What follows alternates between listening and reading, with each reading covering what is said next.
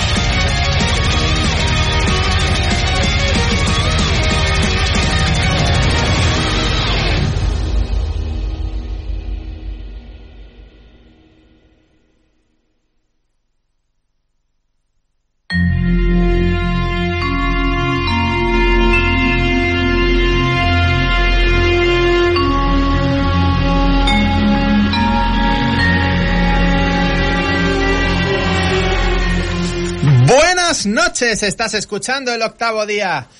Tu programa del metal aquí en el 104.6 de la FM, también en radiocornella.cat y en la aplicación móvil de Radio Cornella. Nosotros empezamos la trigésimo sexta temporada que se dice muy pronto. Vamos a estar en directo desde las 9 y hasta las 12 con lo mejor del metal. Saludos de Dani Ruiz, quien te habla ahora mismo, iniciando, ¿por qué no decirlo? Permitidmelo, su vigésima temporada delante del micro del octavo día. Esto está repleto de gente. Más gente que en el camarote de los hermanos Marx. No he recordado tanta gente en este estudio, uno desde hacía mucho tiempo. Y vamos ya a presentarlos uno por uno. Y dejadme que empiece por quien todavía lleva delante del micro de Radio Cornea más tiempo que yo a mi izquierda hoy, inusualmente, Tony López. Buenas noches, bienvenido a una temporada más. Buenas noches y dos huevos duros. Hablando de los hermanos Marx. Exacto. Eh, una temporada más, creo que son 23, 22, 23, no tengo ni idea, da igual. Eh, muy mayor para esto. too old to, to airplay. Y sí, aquí estamos, aquí seguimos. Un año que viene muy cargado, que venimos con las pilas muy cargadas y con muchísimas ganas de estar ya aquí. Desde luego que sí, con muchísimo metal. A mi diestra, hoy por partida doble, en el de micro, Alfonso Díaz. Buenas noches, ¿Qué tal? veterano ya del octavo Bueno, día. buenas noches compañeros, buenas noches audiencia. Oye, muy contento de estar aquí porque, oye, yo sé que el que está en su casa y pincha el programa, nosotros hablamos, pero vernos así la cara, la verdad que hacía tiempo que no estábamos todos aquí reunidos y con ganas de pinchar metal y de marujear y de hablar de música y de lo que haga falta. Y a la derecha de Alfonso, a quien hemos engañado una vez más de forma ya incomprensible, David Bellido, buenas noches. De nuevo en el octavo día. Muy buenas noches, pues sí, sí. A ver, es fácil que me engañéis, ¿eh? porque cada Eso vez que vengo aquí es que vengo, vamos, eh, contento y, vamos, con unas ganas, como decía Alfonso, de no solo pinchar música, sino de, de poder debatir sobre ella. Desde luego que sí. Y por supuesto, un año más, una temporada más, a los mandos de la nave, la jefa Xenia Sanserric. Buenas noches. Buenas noches a todos y todas. Aquí estamos una temporada más, la número 36 ya. ¡Woohoo! Falta un efecto de estos de animación. Y nada, un placer estar aquí en el estudio de Radio Cornellá con una nueva temporada. Y, y bueno, con, para aportar mucho metal y muchas cosas en general. Sin duda, vamos a también a nombrar a quien se curra detrás de los micros todo esto. A Kiko Belinchón, nuestro técnico, que ya está por aquí. Y como sabéis, hay cierta itinerancia en el equipo del octavo día. Esta temporada no vamos a poder contar con Marc Gutiérrez o... Marc, te vamos a echar mucho de menos. Ya sabéis que ha habido cierto debate, pero al final, en consenso, todo el equipo ha decidido no incorporar a nadie más para cubrir esa baja de Marc, al menos de momento. Bueno, bueno, bueno, bueno, bueno, esperad un momentito, a ver, a ver. O sea, yo me he pegado todo el viaje hasta aquí, desde la tierra del dulce, el caramelo y el pastel, y encima no me vais a dejar pinchar nada, ¿o qué? ¿Cómo va la cosa? Bueno, paren las máquinas. Efectivamente, tenemos una voz nueva a los eh, micros del octavo día. Nuestra querida Inma, buenas noches, bienvenida al equipo. Buenas noches, por fin, ya que después de tantos meses escondiéndolo, eh, tenía ganas ya de venir y, y hablar con mi propia voz, que la otra no ha quedado demasiado eh, como a mí me gustaría, demasiado pastel y demasiado aguda. Así que con esta ya un poquito más fina y mejor, yo creo que ya queda mejor la entrada, ¿no? O sea, ya Hombre, sí, porque para quien no lo sepa, Inma se refiere a nuestro canal de YouTube, que ya sabéis que aparte de en la radio estamos en las distintas redes sociales, que son Facebook arroba el octavo día 8, Twitter arroba el octavo día, Instagram arroba el octavo, octavo día 8, canal de YouTube que es YouTube barra C barra octavo día 8, y ahí en el top de septiembre pues salía Anonymous, Anonymous metalero, hablando de los gustos, que en este caso era Inma, pues aquí a modo de juego, haciendo una introducción, eh, de a ver quién podía ser este este este nuevo fichaje en el octavo día. Debo ya decir que hemos jugado también también durante el verano en el canal de Telegram Sí. al que os podéis unir sí, sí. mediante enlace directo con privacidad absoluta sobre vuestros datos y demás y podéis departir de música con todos nosotros y que ha habido muchísimo juego con quién era la, la persona eh, escogida y debo decir que hay que pensar algún regalo para Ana porque Ana Terré ha estado fortísima en su en su idea, ha dicho que era más del primer momento, no la ha bajado del burro ni siquiera vamos, yo he ido a, a- a muerte, a cuchillo contra ella a negarlo. Lo hemos intentado por todas maneras, ¿eh? Y que no si se ha viene bajado, haciendo, que si no. sé qué, nada, nada. Ella ahí. Hay que pensar Firme, un premio porque la, la iba a decir tozudez, sí, más tozudez que constancia, pero Ana desde luego a ella no la hemos engañado.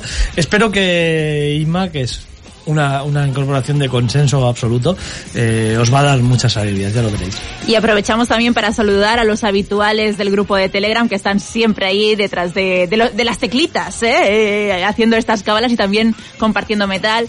Saludamos a Pep, a Pepe, a Lester, a Enrique, a Marc por supuesto, a Jero también, a Mónica, a Carlos, a Sara, a Josías, a Raúl, a Ana también, San Eutocio, a Bri, a Pablo, a Pera, etcétera, etcétera, etcétera, que son así los que más suelen inte- interactuar en el grupo, así que bueno, mm, hechas las salutaciones, vamos a, a- a lo importante, ¿no? Al metal. Y hemos empezado, Xenia, hemos hablado del consenso sobre Inma. Sí, y no hemos empezado con algo con menos de- con algo menos de consenso. Sí, sí, exacto. Algo menos de consenso. ¿Quién lo iba a decir? Me ha gustado mucho ese The God Machine de Blind Guardian. Sé que eh, mis compañeros discrepan conmigo, pero me da absolutamente igual. Disfruto muchísimo de este nuevo disco. He redescubierto a Blind Guardian después de 20 años quizá y pues muy contenta por ello. Ahora voy a ir para atrás, pero para atrás, pero para el principio. Porque creo que... Para lo bueno, digamos. Exacto, Si te ha exacto. gustado eso, vas a flipar si te ha Eh, eh, gustado Eso esto. es, ahí voy, ahí voy. Para, Minuto para lo- 14 y Tony ya... Hombre, es que Dastralada, dastralada, Es tarjeta que- amarilla. Tony tiene que hacer... Siempre. He venido leñero, hoy, sí. Pero eres tú, es así. Es eres la esencia, tú. es la esencia. Eso es. Pues eso, hemos empezado con Damnation, segundo corte de este God Machine, regreso de los alemanes Blind Guardian. Que bueno, pues como digo, mucha gente sí que le ha querido comparar con ese Nightfall y bueno, ahí cada uno con lo suyo, otros que con la cara de Tony de what de qué me estás hablando y Bueno, es que Dilo, lo- dilo, los- Tony, los- dilo. no, es que los vimos el 1 de julio en Barcelona haciendo el Song of Far Beyond entero y claro, están en una forma en directo que no los habíamos visto nunca, porque la gira del Song of Far Beyond la vimos y aquello era insoportable en directo, la verdad, era un grupo parado que no tenían tablas, que interpretaban de aquella manera y, y los vimos en directo y fue alucinante. Y eso me hizo creer más y además algún tema, el Blood of the Elves creo que fue, que dije, guau, vale, vaya pepinazo va a ser el disco. Y me cuesta llegar hasta Blood of the Elves, que creo que es la penúltima. En, en realidad, o sea, lo cogí igual con tantas ganas que, que por ahí ha sido mi error. Pod- podría ser eso. Yo creo que el disco tiene buenos detalles, pero tampoco ya cumple las expectativas de los fans más veteranos. O sea, hay temas buenos, pero claro, hay que venir, hay que ver de dónde venimos. Venimos del experimento aquel con la orquesta, que eso, claro, Sí, claro, sí, sí. Claro, mejorar eso iba a ser fácil. Sí, pero realmente cierto. el último disco que es 2015, 7, 8 años, han tenido tiempo de preparar buenos temas. O sea que no acaba, no, no acaban de, de dar en la tecla. Hay buenas ideas, hay temas que enganchan, hay temas que son para contentar a los viejos fans, como decía Tony, que se están tirando de, de cosas que hayan hecho hace ya 20 o 25 años. Con lo cual el fan pues tiene cosas que muy aprovechables. Pero globalmente el disco a- a- para mí se me queda un poco cojo. yo como no era fan, pues aquí estoy, ahora siendo fans. ya está. en fin, y Emma, ya que estás aquí, mm, deleítanos. ¿Qué nos traéis para la noche de hoy? Bueno, pues yo como me voy a estrenar, bueno, ya había pinchado antes, pero como no era oficial, era oficioso, pues hoy que voy Exacto. a pinchar oficial tengo que hacerlo con una de mis bandas eh, que sean de mi país eh, de origen, como mi clara fisonomía indica, de Suecia. Y, y claro, tengo que ir con el discazo que sacaron Hit este verano, que Tony lo, lo puso en uno de los tops, creo, ¿no? En el de agosto, me parece, estaba en el top de agosto. Y no solo por el disco, que ha sido buenísimo, sino por el retorno de Kenny, que lo he celebrado hasta la saciedad y más. Eh, en el concierto no hice doblete porque no me acabo de cuadrar la agenda con el trabajo, si no hubiera hecho doblete. Y bueno, es una maravilla. Entonces, pues me gustaría pinchar un tema de este último disco, del Force Mature. Y creo que si estamos todos de acuerdo, pues va a ser Paramount.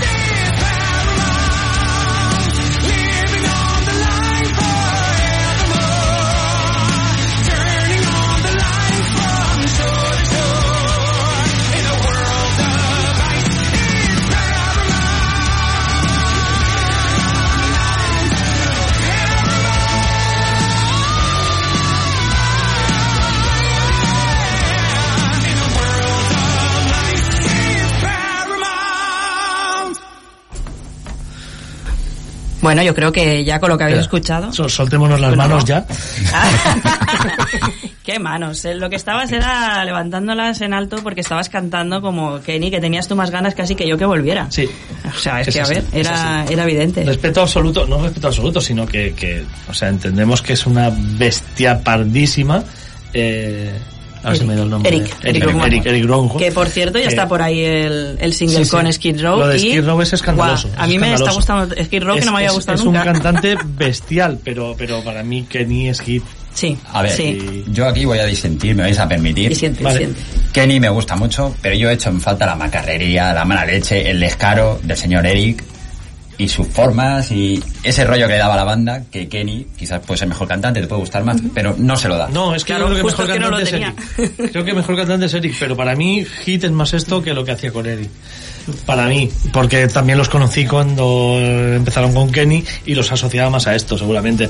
Es verdad que Kenny es una bestia y, y en directo es tremendísimo y Sí, tiene es uno de los cantantes más... más vamos, Dicho lo cual, también hay que decir que Eric está donde tenía que estar desde hace ya tiempo. Sí, porque es que además es que es como, entra como un guante en Skid Row. Es que Skid Row suenan a Skid Row 100% y esa voz es perfecta. Es que es, es- está donde está, es, es lo que decís.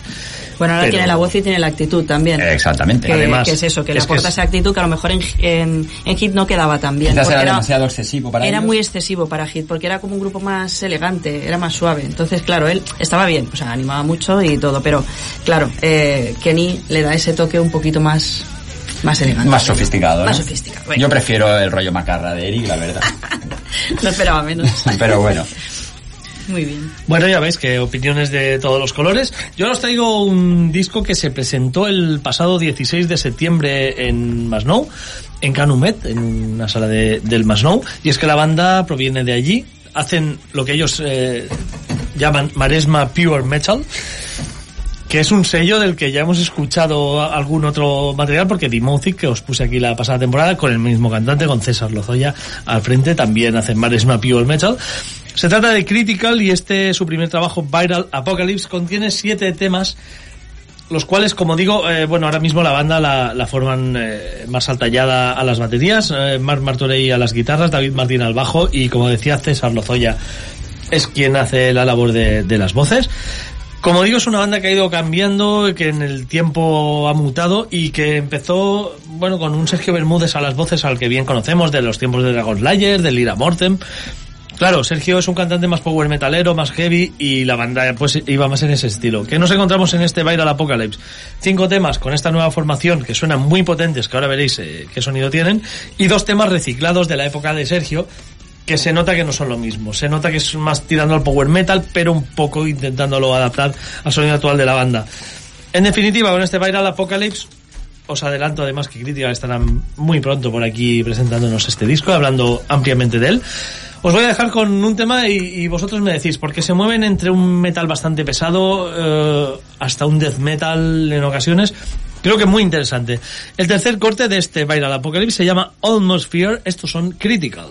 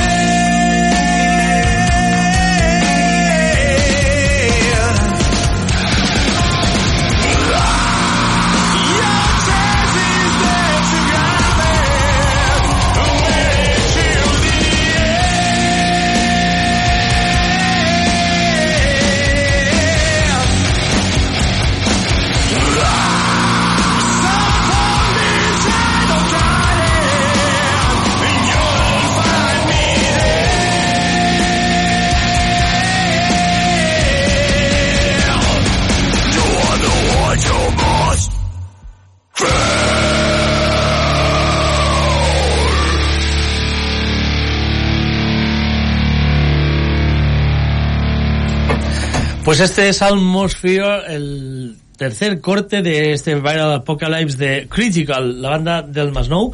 Como os digo, ya veis que en este tema pues eh, alternan un poquito de todo, desde esa cadencia pesada, death metalera, voces limpias, voces eh, guturales. César es un maestro en, jugar con, con las voces limpias y, y guturales. Y bueno, pues eh, un disco, como digo, muy variado, donde encontramos desde temas como este hasta Nothingness, que seguramente sean más puramente death metal, como Unforgettable o The Spark, que son temas más que se mueven en, en terrenos más, no sé si hablar de post-metal quizá, o de, bueno, tienen, tienen toques de, de muchas, muchas influencias, muchas cosas, algún medio tiempo también muy interesante, y como digo, esos eh, temas rescatados de la primera época power metalera eh, que tuvo la banda. Critical, en breve, en el octavo día tendréis más de ellos y información de primera mano de la banda. Hombre, como presentación está muy bien, ¿eh? O sea, te muestra un poquito baremo amplio. Sí. y Te hace querer escuchar más el disco. Un disco que hay que decir, lo tenemos aquí pinchado en CD. En CD, Cosa ¿eh? poco habitual hoy en día. Porque creo que no está accesible en redes, por lo menos cuando me lo pasaron a mí no, no estaba en Spotify ni en plataformas de este tipo. En YouTube supongo que sí, porque en YouTube está todo. Sí. Pero, pero bueno, en definitiva, además eh, hay que apoyar a, a las bandas que con esta calidad sobre todo, no a cualquier banda, sino a las bandas de calidad como esta, que, que se abren hueco. Y bueno, como vendrán ellos, en breve por aquí ya nos explicarán cómo, cómo hacerse con este disco. Perfecto. Además un CD que ya has visto, ¿eh? que tiene forma de vinilo. Sí, sí, sí, exacto. Está- no han hecho vinilo, pero han hecho un CD con forma de vinilo. Hombre, es que está muy Vamos difícil hacer vinilos, ¿eh? La lista de espera es, Es- es de año y pico, Sí, sí, entonces, bueno, que mejor que hacer un CD con forma de vinilo, oye. Y ya cuando se pueda sacar un vinilo, se saca. Sí, sí. Alfonso, ¿tenemos zapatillas esta Sí, temporada? vamos a seguir. Aquí cada uno, cada loco con su tema, Ima con su jarro, pues yo voy a ir con lo mío, ¿no? Con Claro. un poquito de zapatilla. Y vamos a seguir apostando, pues, por bandas de aquí y bandas que se estrenan discográficamente. Eso sí, nos vamos a ir un poquito hacia el sur, nos vamos a ir más para abajo, ¿no? Nos vamos a ir hasta Málaga. Para hablar de una banda que se llama Retador, que nacieron en 2020 y que bueno, pues que salía de la manta a la cabeza y en estos días pues publican su primer trabajo, trabajo homónimo. Y bueno, ¿y qué nos vamos a encontrar con, eh, con estos retador? Pues una banda de thrash metal clásico con toques muy, muy noventeros. Yo creo que gente que le suene bandas como No Pression, por ejemplo, va a encontrar aquí similitudes. Cantado en castellano, por supuesto, risos afilados, coros pegadizos, muy, muy cañeros. Y bueno, y poco más vamos a decir. Yo creo que lo mejor es que ellos se presenten con su música y vamos a escuchar el tema. Furia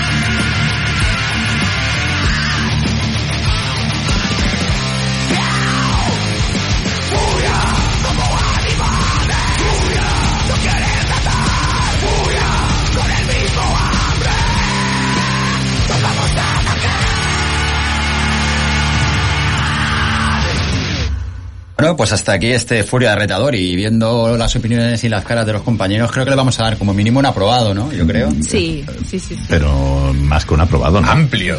Amplio, des- desahogado. Bueno, y es un disco que, como decíamos, ellos son de Málaga, pero lo han grabado aquí en tierras catalanas, lo han grabado en los estudios de, de Javi Félez, en los Moon Tower. Y bueno, y la masterización, que hablamos que suena muy bien, por la masterización, como no, de Dan, Su- de Dan Suano, en los, uni- en los Unisound de, de Alemania. Y bueno, un trabajo que suena muy bien, una banda que promete, que ya ha empezado a aparecer en algunos festivales como el Algarroba Rock de hace unas semanas.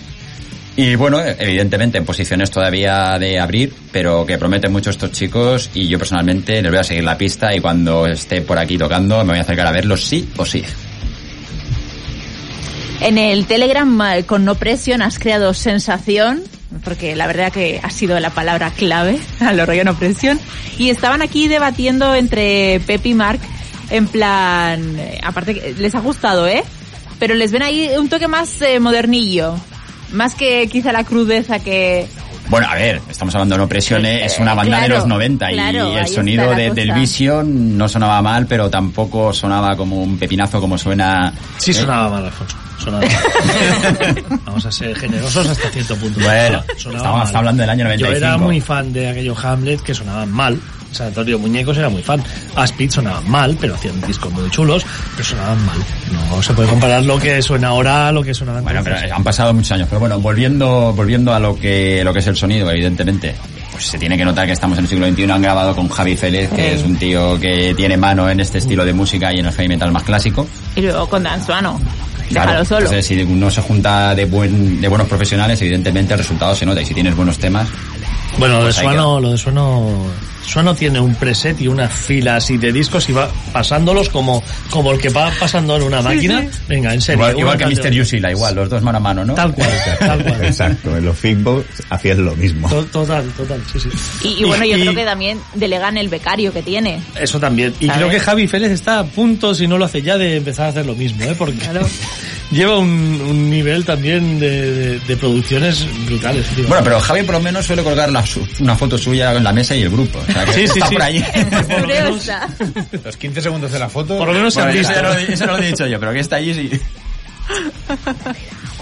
Sí, sí, pero bueno, son esos nombres, ¿no? Te- ahora escuchábamos a Crítica anteriormente que han grabado con Mr. Axe también en los estudios. exacto. Entonces, al final, los que saben manejar las teclas son cuatro al final y, y todos van a parar ahí. Sí, sí. Sí, quizá antes las bandas sonaban, como tú decías, mal, porque no había gente que sabía tocar las Eso teclas es, aquí. Eso es. Bueno, es que aquí en España era Carlos Criito quien hacía los discos Claro, de caña por- y por claro, tanto, evidentemente es que no. no. era una producción buena. Exacto.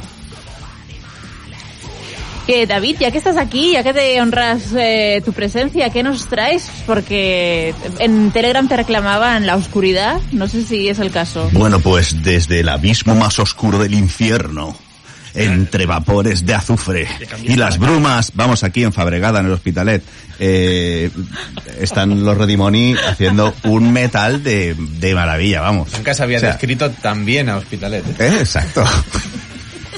Te han faltado los apuñalamientos en medio de la calle habituales, pero, Pero bueno. en el infierno también debe haberlos. Yo no he estado nunca, pero. Pues sí, sí, os traigo, os traigo un tema de Redimoni que, que bueno, tuvimos la ocasión de, de poder verlos hace dos semanas presentando eh, lo que es eh, su nuevo EP, lo que fue su nuevo EP, que lo presentaron en 2021, y, y enseñándonos su nueva formación y se veían, vamos, muy desenvueltos, muy compenetrados, eh, viejos componentes con los nuevos componentes, vamos, eh, eh, un uno, ¿vale? Y con una propuesta bastante más fresca a la que nos tienen habitual, habituados, ¿no? Sin dejar el, el- la esencia de Redimoni. Así que, maestro de ceremonias, si eres tan amable, vamos a escuchar Access.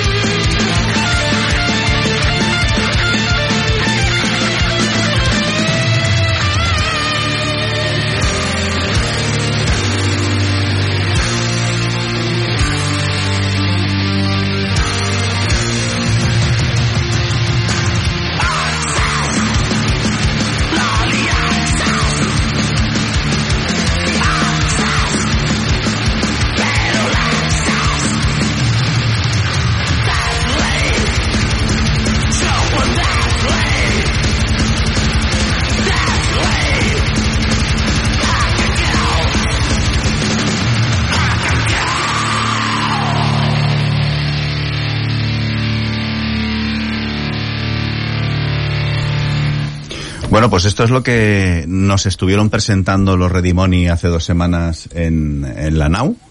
Y, y esto viene, viene a haber salido el día 30 de este septiembre, ¿vale? El, el disco, corrígeme Alfonso, tú que lo tienes aquí por la mano. Downfall and Penance. Don Fran Penance salió antes de ayer.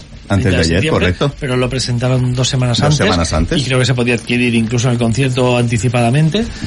Eh, Aún así, el, concierto oficial presentación va a ser más adelante, porque Sí. justo ayer esta- estaba viendo a Esther Thor en la sala descomunal y estaba Carlas, cantante de Redimoni, comentamos un poco la jugada y dijo que estaban mirando fechas para la presentación súper oficial y demás, pero que está todo bastante saturado, que con esto lo que hablamos más una vez, después Sí. de la pandemia todo el mundo quiere tocar, muchas salas han cerrado, otras han cambiado a nivel de, de requisitos y está todo más que solapado, colapsado y demás, entonces bueno, eh, la cosa está un poco compleja. y hay algunos cambios curiosos y ya no hablo del que hablaremos más tarde, pero hoy por ejemplo hemos conocido el cambio de, de Arena, la, la banda británica de Proc que viene el próximo 25 de octubre, tocaban en Bikini y lo han cambiado a las 2. Hay mucho cambio de sala últimamente, algunos más molestos que otros. Pero bueno. Léase a Monamar, Léase a eh. Machine Head, Bueno, léase Hightech. Eh, pasados como Michael Schenker, que los cambian de raza uno a salamandra y aquello es una lata de sardinas. Claro. Eh, Bueno, de Bikini a Rat 2 también, menudo cambio. El sonido... Bueno, sí, en sonido Pues, eh, evidentemente hemos perdido un montón. Sí. Eh, a nivel logístico creo que mejora, pero a nivel sonido hemos perdido bastante. Pero es que Bikini además, Bikini yo no lo veo como sala de conciertos de metal, yo no, nunca lo he acabado de ver. Eh, Hostia, pero yo escuché ahí Leprous. No, sí, Ahora- eh, y suena muy bien. Ahora vas a decir, es que Leprous no hay que meterse. No, no, no. ya me lo sí, sé. sí, se oye de nariz. Yo vi ahí a Pain of Salvation y, y es la mejor vez que he visto a Pain of Claro. Salvation de lejos. Y he visto a Ingui Mastin ahí sonar, Ingui Mastin, sonar bien. Lo he visto sonar bien en bikini. O sea, he visto a gente en bikini que ha sonado de lujo, pero todo, o sea, el trato, ¿sabes? No sé cómo explicarlo. El Sí, tra- yo, el- Tony, déjame que te eche la mano. Creo que lo que tú quieres decir que no es una sala rockera. No, no es una sala O sea, rockera no, es un, no es un entorno acogedor Además- para los rockeros, por así Correcto. decirlo. Tanto en las barras como seguridad como los demás terminan como diciendo, mira, hoy tenemos aquí a los A la chusma. peludos estos, a la chusma esta, que bueno, nos Que toca acabe hacer pronto y se piren. que acabe pronto y se piren, la bebida mal y cara, eh, bueno, cara está en todas partes, pero bueno, sabes que no estás en casa, estás ahí de prestado, y en cambio vas al bóveda y estás en casa. Sonará peor, igual lo será más incómodo lo que quieras, pero estás en casa. Y en bikini yo no me siento en casa, eh, igual es por eso. Lo que, lo que quería decir, gracias Alfonso por el capote. Y dicho lo cual, antes de, cerrar este capítulo, me gustaría remarcar que hemos puesto tres temas seguidos de bandas eh, de aquí. O sea, co- cosa que habla mucho de la calidad de, de las bandas que tenemos, que a veces nos, nos cegamos en poner cosas de fuera. Y hemos puesto tres palos diferentes de...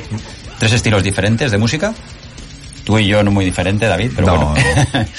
Pero bueno, que, que vemos que hay calidad y que este tiempo de pandemia parece que la gente se ha puesto la pila en los- en los locales y que van a salir cosas que realmente merezcan la pena. Y lo que hablamos, el problema va a ser dónde lo van a presentar, porque están las salas súper petadas. Sí, sí. Y como Alfonso tiene toda la razón, yo voy a seguir un poquito en la línea y me voy a ir con una banda de Australia, Muy bien. Aquí cerquita. que es literalmente lo más lejos. Al lado de hospitales. Somos amigos de planeta. Sí, correcto, correcto. Pero evidentemente si me voy a Australia y me voy al hard rock, que tanto reclamar en Telegram, oscuridad y llevamos una línea que hay que romper por el centro. No, no me voy a ir con Airborne, aunque me gustaría, sino con Dead City Ruins, que estrenan disco, que han estrenado disco en septiembre y que han estrenado vocalista. Un Steve Weish totalmente pletórico en esta ocasión. Vamos a dejaros con este hard rock fantástico, sonido tremendo y con ese puntito macarra que para mí ha de tener el estilo. Empieza así, este Shockwave de Dead City Ruins con. Preacher,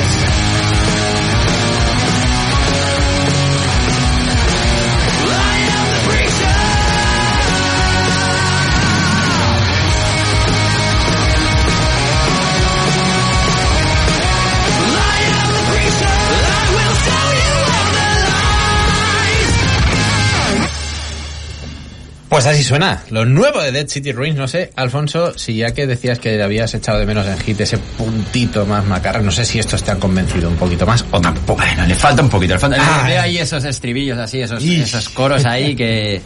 Ey, Hay que, Ay. hay, que, hay que subir el listón de macarrismo para, el, Para el mí sí, para mí grupo. sí. Eh, quería empezar también con Dead City Ruins, iba a empezar con un grupo japonés, pero no, porque se lo he pisado en el top del mes vilmente, precisamente a Así Inma. pasa. El primer top del mes que hago y ya me pisas uno. O sea, esto... Bienvenida. To Sí, ya me he dado cuenta. La- he pagado la novatada, ¿no? Vale. En mi descargo no estaba, no, no, No, era de dominio público hablado, el, no. el top. Así que... Pero bueno, yo lo que remarco más no es eh, tanto el macarreo, porque a mí de City Ruins me engancharon en el disco anterior, Mm. pero fue porque me recuerda un poquillo al rollo Stoner. Cuando, sobre todo cuando las tocan las canciones en directo y las desarrollan, eh, creo que en el disco las hacen más cortas, pues por eh, razones evidentes, ¿no? Pero que luego cuando tocan en directo las desarrollan un poco más y sí que tiran un poco más al stoner, al alargar, blusear, y entonces igual ahí es donde pierde un poco más de macarreo absoluto. Pero bueno, que a mí me encanta porque como las desarrollan y queda chulo, pues estupendo y maravilloso. No iré a verlos en directo. Vale. Gracias, Inma. Eh, hacemos un nuevo cambio de tercio, ¿verdad?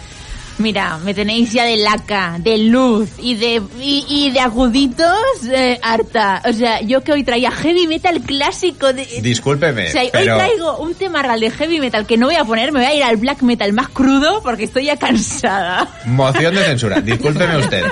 Ha sonado Hit y después han venido Critical Retador y Radimoni. Vale. Es decir, no. Están en esa línea. No se acepta, En esa línea están. Yo, la- acepta. yo la voy a pasar. Voy a pasarme. ven hacia la luz. Bueno, he traído, he, he traído una bandaza de heavy metal que no sé si la voy a pinchar Y porque... no te refieres a Blind Guardian. No, no me refiero a Blind Guardian, me, re- me refiero a una banda actual de sonido clásico rock que yo creo que os va a gustar. Blind Guardian es Progressive Vegetarian Power Post. Heavy Metal. Hobbit Metal. Yo me voy al, al black El metal más crudo, más cro. Eso sí, nos quedamos aquí, lo que hablábamos de la calidad de las bandas de aquí. Y en este caso, aparte, eh, nuestro ex compañero Mark aquí, sería por favor, ¿qué tengo que hacer para que suene esta canción? ¿Sabes? Eh, Lloriqueando, que es en plan, ven aquí Mark y lo pinchas tú. Pero bueno, te vamos a perdonar. Hablamos de Fogos, una banda que se ha estrenado hace nada, este mismo 2022, con un disco de debut de nombre Corpses and Ashes. Como digo, ellos hacen black metal de ese corte más oscuro, hablando de nihilismo, del fatalismo, de, un montón de cosas así oscuras, negras y demás. Y, y bueno, las influencias, como digo, es ese black metal crudo, muy en la onda de mediados de los 90 con un sonido bastante bueno, eh, aparte de lo que hablábamos, ¿no? Han grabado aquí con el amigo Félez en los, Mo- en los Studios y, luego ha, estado masterizado por Dan Lowness en, en su Resonance Sound Studios, que no nada más ni nada menos que se ha encargado de discos de Mortifilm, de Corpse Set, de Virolac, etcétera. ¿Por qué sonar fogos? Aparte de porque molan, eh, que lo vais a descubrir ahora, también porque la próxima semana estarán actuando en el Hospitalet de Llobregat, esa ciudad donde hemos hecho tanta publicidad buena eh, en este programa, en las salas Zoe junto a Trexial y Between the Frost, así una velada de black metal muy buena, con bandas de aquí de muchísima calidad. Y para quien no conozca Fogos y de parte de Mark, Mark ha querido que suene la canción Nix, así que aquí os presentamos Fogos. Así que ahora preparaos para la oscuridad.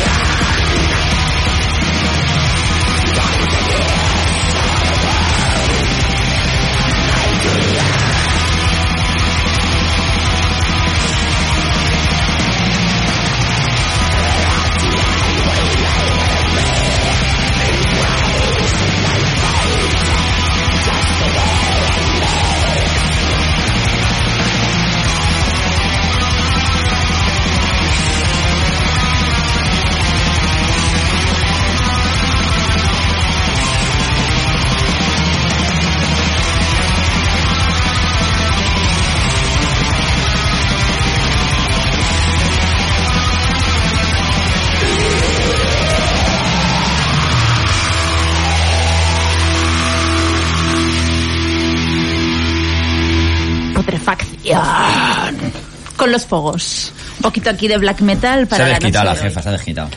Madre mía. Se- Yo creo que me he despeinado y todo, ¿eh?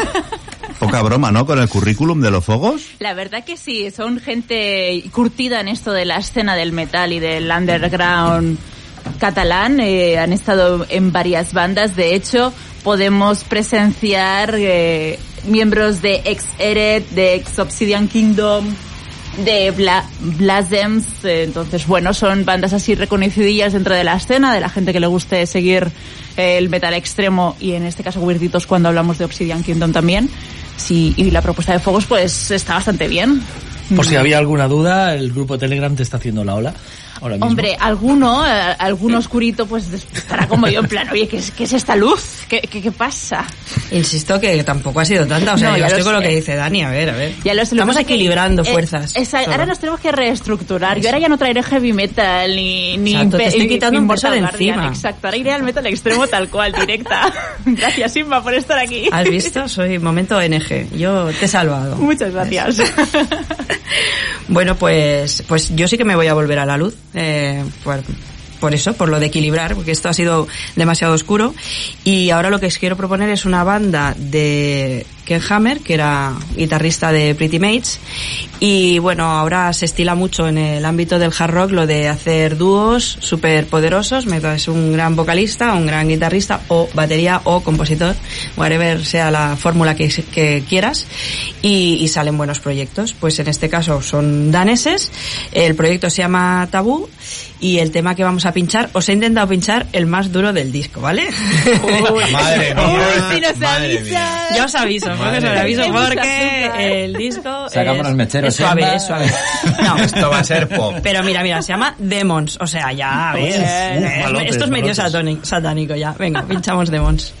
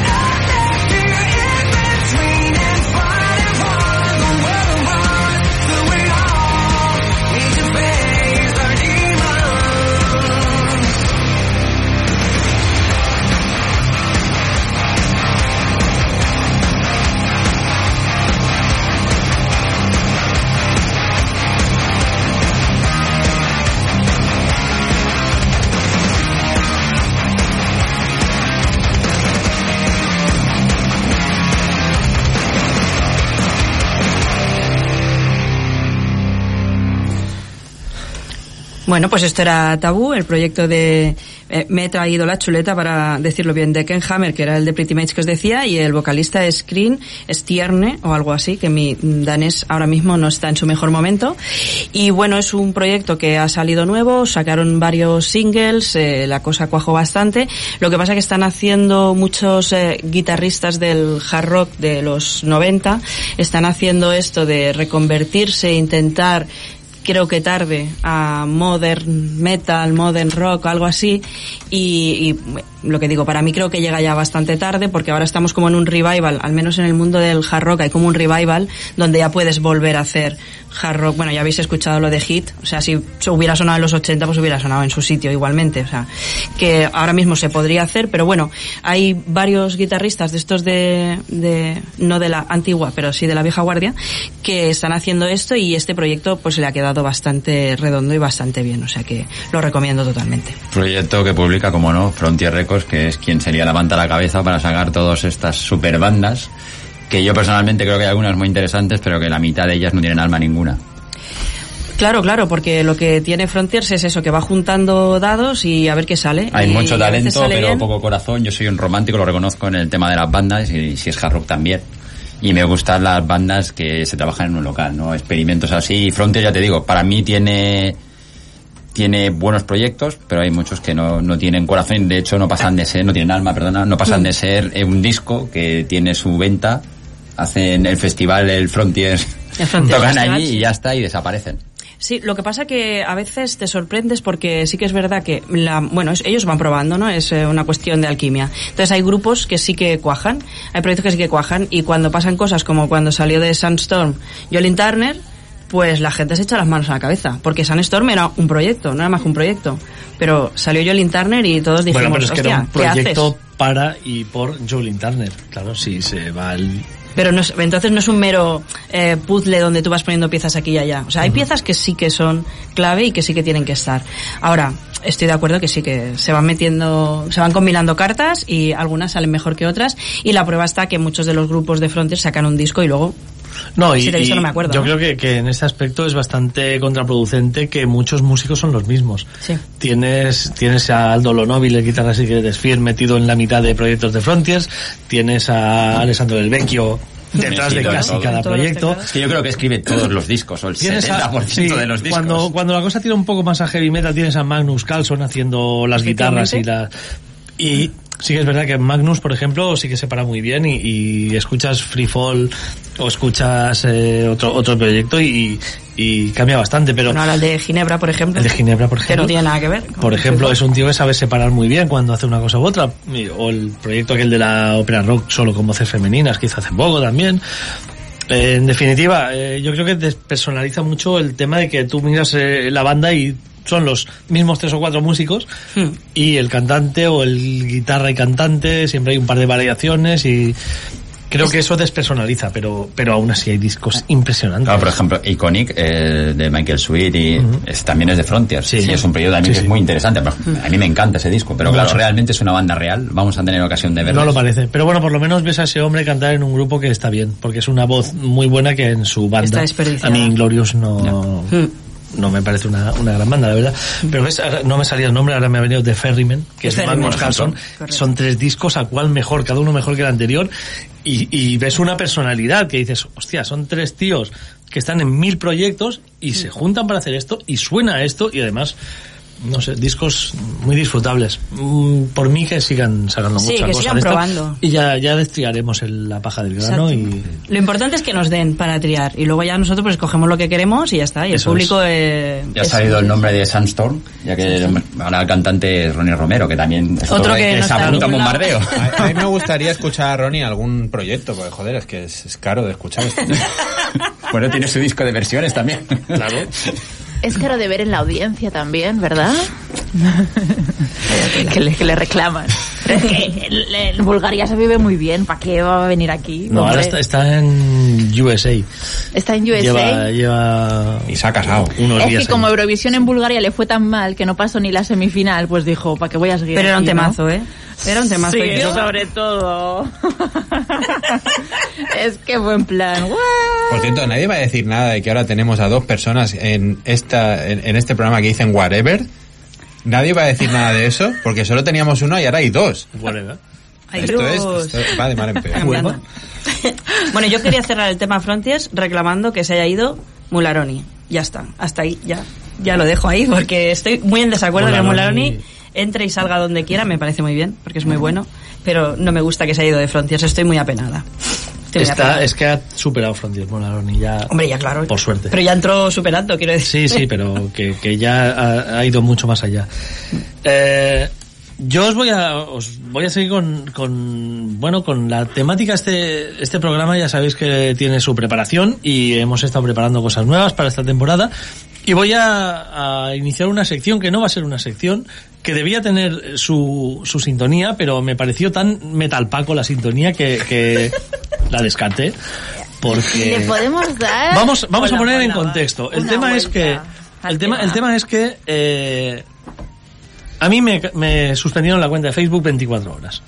Y luego me tuvieron 15 días castigado que mis posts se veían menos o no sé qué pollas, me da igual porque, ¿vale? Pero me molestó profundamente porque a mí se me suspendió la cuenta porque el señor Jordi Pons Gibernau, Master of Masters, puso no recuerdo qué disco de alguna banda sueca que me flipa y, y mi comentario fue el que le hubiera hecho a él en, en persona, que es putos suecs, qué bons que son. Putos suecos, qué buenos son. Discurso de odio. Facebook me, me suspende la cuenta 24 horas por discurso de odio, con lo que, con lo cual yo pensé, Suecia es interminable a nivel de metal, es inacabable, es el país seguramente donde bucees y más cosas encuentres. Voy a hacer una sección que se llame putos suecos. En homenaje a esos putos suecos que son buenísimos. Segundo la emoción. Ahora bien, ya habéis escuchado antes a Hit, o sea, siempre van a sonar suecos, o sea, creo que al final es un poco una excusa porque al final vamos a poner a bandas suecas sí o sí siempre. Y bueno, pues eh, le vamos a seguir dando una vuelta. Evidentemente la, la sintonía del Final Countdown de momento queda en stand-by porque era muy paca, era muy muy paca. Yo creo que se puede solucionar. Se puede, pero- bueno, se puede dar una vuelta, pero de momento la vamos a dejar en stand-by. Me voy a Suecia, como os decía, con la banda All Things Fallen, una banda que cuando me tocó representar a Suecia en Eurovisión del Metal, estuvo finalista junto a Binary Creed, al final opté por Binary Creed, que es una banda alucinante, pero Things Fallen me quedó ahí, la verdad es que se me quedó.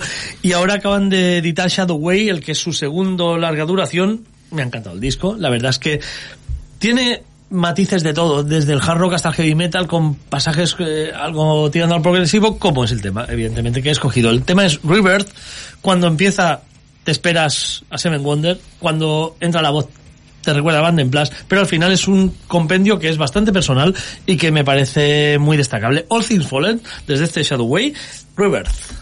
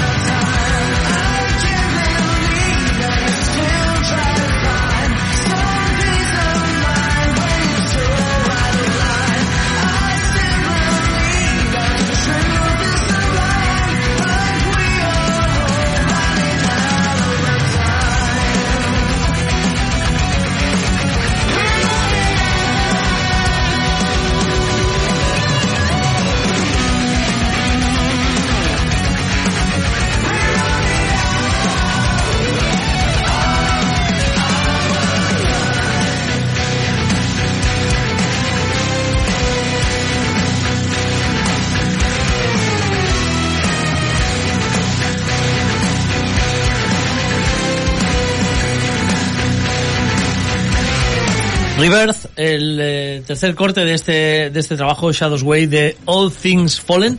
Habéis escuchado seguramente el tema más proc oriented del disco. No quiere decir que todo el disco sea así, sí que es verdad que tiene sus trazos en, en algunos de los temas, pero tiene sus mm, toques goticosos a ratos, tiene sus toques más heavies, más jarroqueros, incluso como veis en esta melodía sonora de fondo, hasta toques pseudo orientales que no sé si van a sonar eh, esta noche en algún momento, porque Xenia me amenazó con poner alguno de los temas que han entrado en el top. No, no, tranquilo Al que final no, no. Pero bueno, pues esto es todo el Pero- trazo oriental Pero viendo que, venís muy claritos y todo lo que demás que traigo es clarito, quizá ahora Igual sí. ¿eh? Igual sí. ya veremos. Pues esto es All Things Fallen y estos son los putos suecos de esta semana. Falta aquí una sintonía, Tony, hombre. No, no, no lo veo, no lo veo. Déjame darle una vuelta. Yo, yo creo, Tony, que lo suyo sería traerla, pinchar una vez y que el pueblo decida. No, el pueblo, no, no, no, no, no, no. El, el pueblo es cabrón. Tienes, tienes miedo al pueblo. El pueblo es muy cabrón, ya lo sabes. El pueblo, cuanto más ridículo hagas, mejor. Eh, El pueblo no sé, pero el Pep ha puesto en Telegram que quería su tinonino. Ahí lo dejo. Pues te es oyente con galones, hay que hacerle caso. Ya, ¿eh? ya le daré tino nino al Pep, ya. en su momento. Bueno, pues ¿qué os parece si nos metemos un poquito eh, en barrizal, yo creo, ¿no? Porque vamos a hablar de una banda que creo que todos los que estamos aquí conocemos. Conocemos bien, hemos seguido, yo creo que la hemos visto todos en directo. O sea que, razón de más, quien quiera va a tener ocasión de verlos dentro de poco también. Estamos hablando de Matching Head. O sea, una banda que fue cuando nació, cuando empezó su carrera como una especie de revulsivo para el thrash metal y que mi opinión personal es que se ha ido desinflando, ha ido perdido el norte, lo ha vuelto a encontrar, lo ha vuelto a perder y ahora mismo no sé muy bien dónde está. Yo sí lo sé, en Razmataz 1. Ahí estará, Tony, estará. Eh, espera, ¿no estaba en otro sitio antes? Para mí está en Razmataz 1.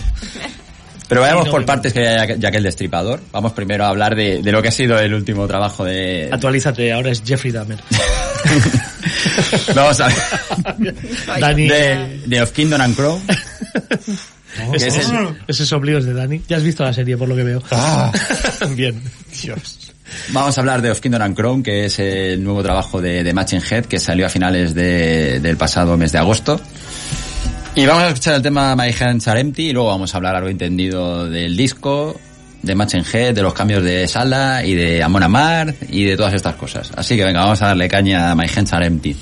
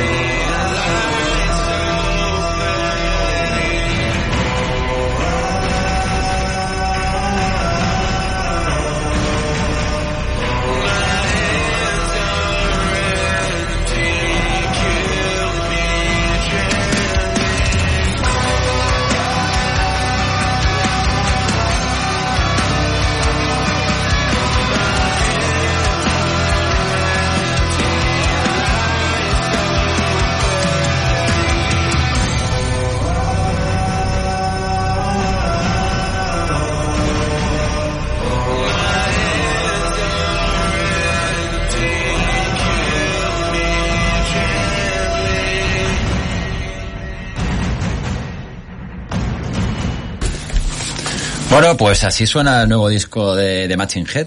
Y yo creo que ha llegado el momento de, de abrir el debate, ¿no? Yo no sé cómo lo veis vosotros. Yo veo y escucho detalles de la banda que me enamoró en los 90 y veo otras cosas que no me cuadran y que no son para nada lo que me esperaría escuchar en un disco, en mi disco ideal, en mi cabeza de Matching Head. Pero bueno, esto es algo que viene ya arrastrándose, evidentemente Catarsis no me gustó nada. Cuando he dicho que la banda no sabe dónde está, creo que antes de la pandemia se había proyectado una gira con la, con la formación original haciendo el 25 aniversario de Burma Eyes, Burma Eyes, perdón. No sé qué pasó, que se hizo un streaming al final y poco más, y algún concierto suelto. Sí, pero además con el Chris Contos y el Logan Mother. Por eso, que, que era que parecía que era el plan, pero la pandemia lo truncó. Creo que Rob ha perdido un poco el norte en el sentido de que no sabía muy bien para dónde para dónde tirar, porque ha hecho un montón de streamings durante la pandemia, hacía eh, sugerencias, la gente que, que pidiera sugerencias de temas, no sé, cosas muy raras. Ha desembocado en este disco, no sé qué os parece a vosotros. Creo que tenemos opiniones para todos los gustos. Yo, en mi caso, concretamente, eh, eh, es, eh, es como tú dices, está lleno de contrastes, ¿vale? Si, si coges a Rob Flynn, que estaba en Violence, y ya en aquel momento, del, desde, que lo funda en el año 95, en el año, en el año 91, en el año 95 funda eh, Machine Head, ya está planteándose que, que va a hacer lo que, permitidme la expresión, lo que a él le salga de la polla. ¿Vale? O sea, va a coger y va a cambiar las, las cosas, ¿vale? A su antojo, en el sentido de, me apetece hacer esto. En aquel, en aquel momento, tal y como lo recuerdo yo, ¿eh? que cada uno tiene su punto de vida, en aquel momento, su punto de vista. En aquel momento, creo que eh, los trashers más puristas eh, decían que entre que Soulfly Sepultura se habían montado Soulfly y que, y que había salido Machine Head, como que este groove metal eh, no era una moda que no iba a encajar y, y, y que, y quedaba así un poco así. Yo, sinceramente, a mí el Burma Ice me, me- vamos, me voló la cabeza y, y flipé con, con la sonoridad de, de aquello que habían generado nuevo, ¿no? Eh, creo que sirvió de inspiración para muchas otras bandas también, eh, lo que hicieron. Y, y creo y confirmo cuando, por ejemplo, yo he estado viendo esta semana, no sé si lo habéis visto, una entrevista que le hace Ola Englund a Rob Flynn, ¿vale? Le pregunta directamente todas estas cosas, ¿no? O sea, ¿qué, qué pasa por tu cabeza, no? ¿Por qué haces cosas tan dispares, tan... Y el tío está hecho un melómano, le encanta coger eh, discos de todas partes, tiene una colección de discos brutal, ¿vale? Y encarga discos de, de las bandas más recónditas del planeta y escucha de todo, se empapa de todo y hace lo que, como he dicho antes, lo que le sale de el aparato genital y si le apetece hacer una cosa diferente, lo hace. Además ha aprovechado la pandemia para depurar ciertos vicios que tenía con, la, con las voces limpias. Cuando en Burma ya se empieza a, a utilizar las voces limpias él, él adquiere vicios porque lo hace de manera autodidacta. ¿Vale? Y Jared, que es el bajista que tiene, que hace el- eh, los coros, le picaba en la pandemia para hacer salir de su zona de confort, practicar canciones a nivel vocal fuera incluso del metal, ¿vale? Para que cuando retomara, o sea, fuera algo completamente diferente. O sea, todo eso explica mucho por qué esto suena tan diferente, ¿no? Si es un melómano que coge cosas de, de muchas partes y que además eh, se, se ha visto en la aventura de, reinventarse como cantante, eso explica muchas cosas. Y a mí, sinceramente, para mi gusto, va, a mí me ha encantado, ¿vale? Porque ha ido más a la vertiente del metal que a mí me gusta. No lo sé. Y supongo que cuando se aleja de la vertiente del metal que a ti te gusta, pues es un poquito... Bueno, a ver, mi toma de contacto con Matching Head, yo lo he comentado, yo los descubrí cuando, cuando salieron y la primera vez que los vi era teloneros de Slayer, es lo que decías tú, le entraron al público trashers, o sea, de entrada. Luego lo que vino después, The More Thin Chains y The Burning Red, pues bueno, eran diferentes, pero una evolución que podías ver lógica. Pero yo creo que a partir de ahí ya hay discos buenos que me gustan mucho y otros discos que sinceramente no conecto nada con ellos. Y de la última época, pues Catarsis no conecto nada. Y este, pues, tiene temas que me pueden gustar, pero hay elementos, por ejemplo, este- el tema que acabamos de escuchar. Tiene partes que son muy heavies, muy lo que me espero de ellos, pero la parte de las voces tan ambientales no es lo que yo me espero de cuando en mi disco de Matching Head Ideal no es lo que yo metería. Ujú. Yo soy el, el punto intermedio. A mí, bueno, yo nunca he sido muy fan de Machine Head. A mí no me volaron la cabeza en su día. A mí no me entraron en su día. Yo era muy de Violence y me jodió que Rob Flynn se fuera a hacer esto. Porque me gusta mucho más Violence. Y nunca había entrado en Machine Head, pero sí que es una banda a la que voy cada vez que sacan disco nuevo y, ya te digo, no nunca, nun- no me pongo un disco Machine Head por gusto. Pero sí escucho lo que van sacando. Y a mí este disco ha tenido dos, tres, quizá cuatro temas que me han gustado muchísimo, que es lo que espero de Machine Head. Pero el grueso del disco a mí no me convence nada. Nada, es, Es un- que lo veo denso, es un disco que, que cuesta de pasar. Sí, además tiene, tiene, no sé, a Machine Head yo le, le achaco, sacabais el nombre antes de Soulfly también, todas estas bandas que evolucionaron desde el thrash metal, thrash death, hacia sonidos más modernos, si queréis enlazando incluso con bandas de nu metal que vinieron después y, y, bueno, todos los acabados en core eh, han chupado mucho de esto, de hecho reivindican a Machine Head muchas de estas bandas y yo le veo muchos elementos que tiran más hacia eso que hacia sus raíces trashers. Es lo que no me, lo que no me ha convencido nunca de Machine Head y que en este disco creo que tiene demasiado, para mi gusto. Es verdad que yo valoro muchísimo en eh, el juego de voces limpias y guturales y en cambio en Machine Head no me gusta nada que use limpias. Las limpias, el uso que hace de las voces limpias, eh, para mí destroza el, sentido de las canciones. Eh, cosa que en la mayoría de grupos que escucho eh, le da una riqueza brutal y en Machine Head me parece que, que, que se las lleva a donde yo no quiero que estén. Con lo cual, bueno, vemos que es un grupo que levanta debate, levanta pasiones. Bueno, yo y- tengo otra todavía. en sentido claro. en otro y, y que claro, yo he llegado en otro momento distinto. Claro. Porque yo llegué a Machine Head con el The More Things Change. Em, y llegué con Soulfly y llegué con todo esto. Entonces yo entré en la evolución. Y pues estoy más de acuerdo con Alfonso porque sí que es verdad que luego eh, todas las bandas que eh, íbamos escuchando de nu metal, metalcore, deathcore, hardcore, todas las demás eh, tienen cada uno una particularidad.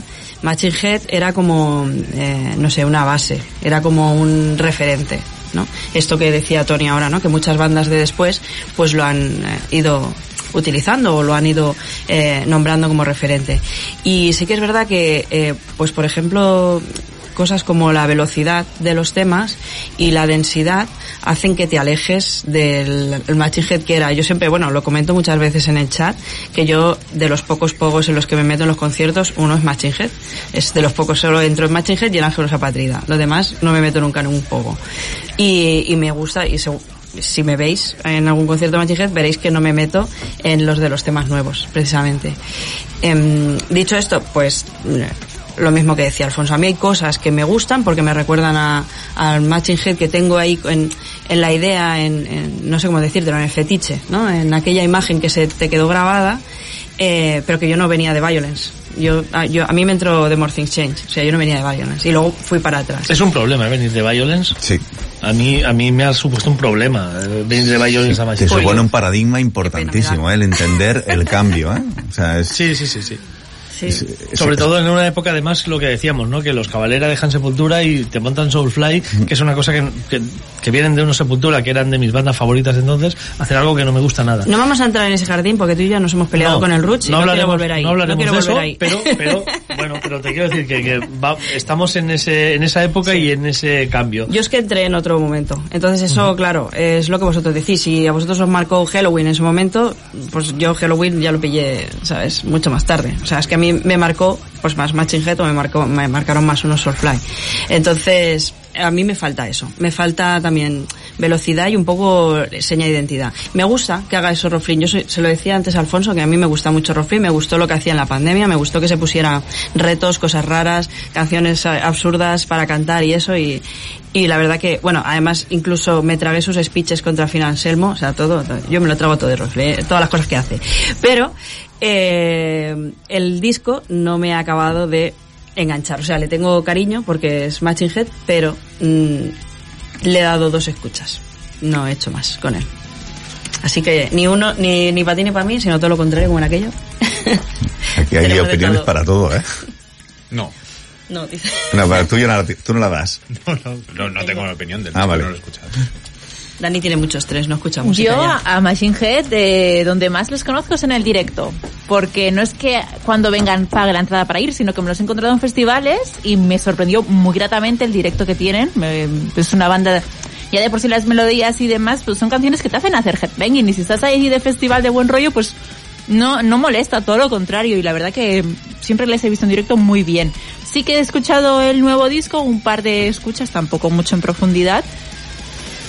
Pero es que es una banda que de por sí no he seguido. Solamente cuando me la he encontrado en un festival haya estado, la he disfrutado, pero no he ido Ah, a pues a festival ya hace tiempo, ¿eh? Que no la escuchas, porque hace- dijo que no tocaba más festivales. Creo que el último fue en 2010 en el Brutal Assault, que eran cabezas de cartel. O sea, Sí, sí, sí, no, muchos años. que Sí, sí. Ya no hace festivales, sí que... Bueno, ahora hace conciertos que intenta ir al Palau Sant Jordi con un barco de Amonamart y acaba yendo, pues... Eh, Flecha Matoni. Matar, Podríamos, podríamos equiparar a Chinjeta a unos Cataclysm, que en conciertos son divertidísimos y en disco yo no aguanto dos canciones.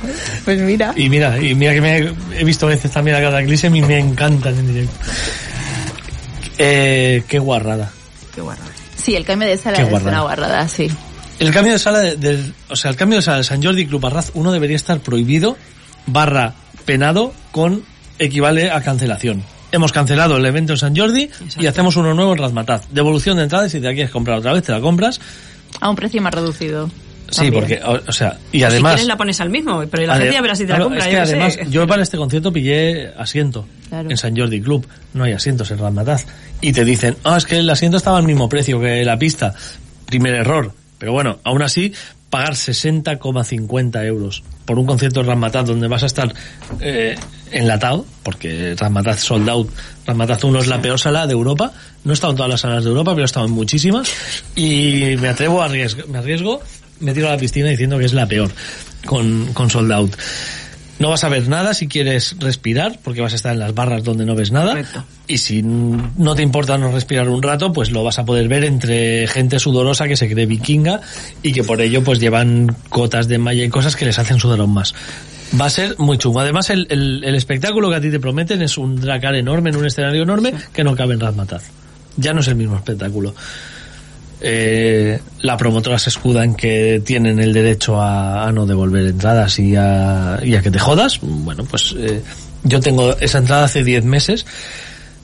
Me la vendí una semana antes de por temas laborales, al final no podía ir y, y la vendí. Le he dicho a la persona a la que se la vendí, porque yo le vendí un asiento, le he dicho si me la quieres devolver me la devuelves y me la como yo.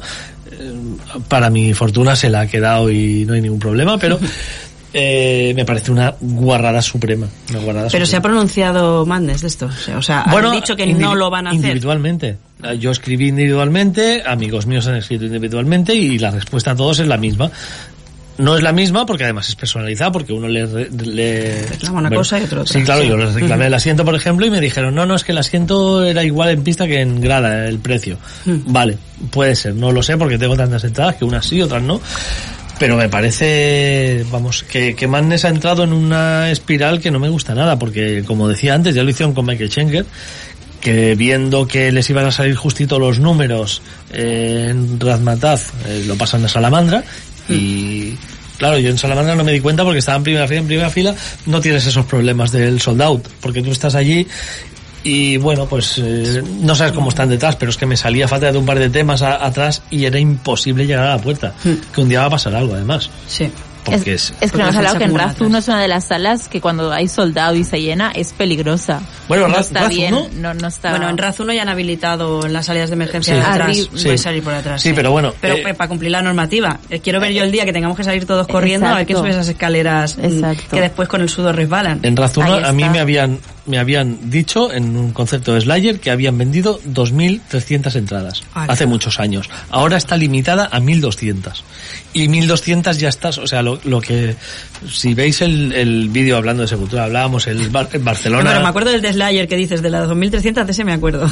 Eso fue, No se podía respirar, fue- bueno, pues- nada, pues, pero- en Sepultura, en, en, en Undersea Live en Barcelona, que está grabado en, en vídeo y que por ahí estoy yo intentando respirar entre, eh, era el 92 o 93 92, esto, sí. entre, 91, 30, 30 y 31 de mayo del 91. Wow, Sí, qué. Bueno, pues por ahí, por ahí fue, sí. En esa, porque vinieron dos, dos fechas muy seguidas. Sí, Eh, eran, eran dos sí. días, eran dos días. No, pero es que además vinieron muy seguidos. Una con Paradise Lost de teloneros y la La otra... Paradise Lost fue en el 93, fue la gira ya de, sí, del pues, Cause ID. pues por eso digo, que, que vinieron varias veces muy seguidas a Celeste y, y yo recuerdo aquella del vídeo, no se podía respirar y encima, claro, gente fumando. Porque Claro, claro, entonces se fumaba.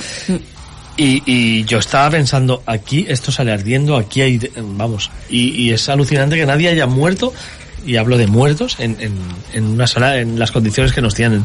Han bajado casi a la mitad del aforo y, y, y todavía no se puede ver un concierto de condiciones, hay soldados en esta sala. Yo creo que Madness, eh, la- yo la tenía, la- y la tengo aún, ¿eh? en, en muy buena consideración porque creo que, que no nos tratan como a ganado, por lo menos no nos han intentado tratar como a ganado, han intentado hablar con la gente, ver qué necesita la gente, intentar facilitar, ¿no? Ha- Ha sido una promotora que parecía más cercana a ti, de gente como nosotros, y de repente, en unos meses aquí, yo sé que la pandemia ha sido chunguísima, que los ha hundido, que les ha golpeado muy fuerte, pero no sé si la manera es esta, ¿eh? Porque yo ahora eh, tengo, tengo entradas para dentro de varios meses, pero hay otras cosas que están anunciando, pues que igual me espero. Porque igual comprarte una entrada ahora para Ramatazuno, si no venden, te lo pasan a Salamandre y, y no sé. Está, está todo muy complicado en general, tanto para ellos a nivel de gastos de, en general de montar una gira y demás, porque todo ha subido muchísimo, como para luego la, eh, el público que también mm, está viviendo pues de, algunas dificultades económicas o si no lo que tú dices, yo sé que voy a ir a Septic Flesh, tengo la entrada, no. La voy a comprar el día antes, sí. ¿Sabes? Y corres el riesgo, porque... De que se sea sold out, soy consciente también. Bueno, no, pero ya no el riesgo de que sea sold out. Corres el riesgo porque la excusa que te ponen es... Bueno, te ponen otras excusas, pero la excusa de fondo es no hay venta. Ya. No has vendido lo que te pensabas que vendías. ¿Por qué no lo has vendido? Porque la gente se va a esperar al último, Exacto. al último momento. El concierto de Obscura, que fue el, el día siguiente a, a Ready Money, Sí. en la NAU, dos días antes pusieron un post en redes sociales, 50% de, de aforo vendido. Fue sold out. Claro. La gente se espera el día antes Exacto. a comprar la entrada porque ya no te fías de nada. Y, y eso es un problema porque, claro, tú programas con una idea y entiendo que tengas esos nervios de decir, hostia, estoy a, a dos semanas Sí, sí, totalmente. y no he vendido ni la mitad del aforo, me voy a pegar una hostia. Yo con el caña lo he vivido y te preocupa un montón. Mm. Y es el caña que al final los gastos que hay dentro Pues ahora no son al claro. nivel que tiene Madness. Ahora, entre supuesto. crisis económica, entre oferta desbordada y, y, y pandemia sobre todo, pues la gente se espera muchísimo a comprar una entrada. Y es muy difícil programar si no tienes una base de venta anticipada. Pero es que haciendo esta guarrada está generando lo contrario, porque yo que soy el primero en comprar siempre la entrada, yo a mí ya me has cortado el rollo, yo ya no la voy a comprar hasta que llegue el concierto. Y, y es el pez que se muerde la cola, porque vas a tener menos venta anticipada cuantas más guardadas de estas sagas. Sí, te iba a hacer lo mismo, que nosotros también programábamos siempre agenda de conciertos ya hasta con los festivales, todo tal. Y bueno, hace dos años que no, yo una semana antes, con suerte, me compro la entrada. Y lo que dice Senia, sé a qué concierto quiero ir y sé a qué sitio quiero ir, pero me espero porque, claro, entre no solo los cambios y la reprogramación no solo están pasando tampoco en Barcelona, sino que están pasando en otros sitios también.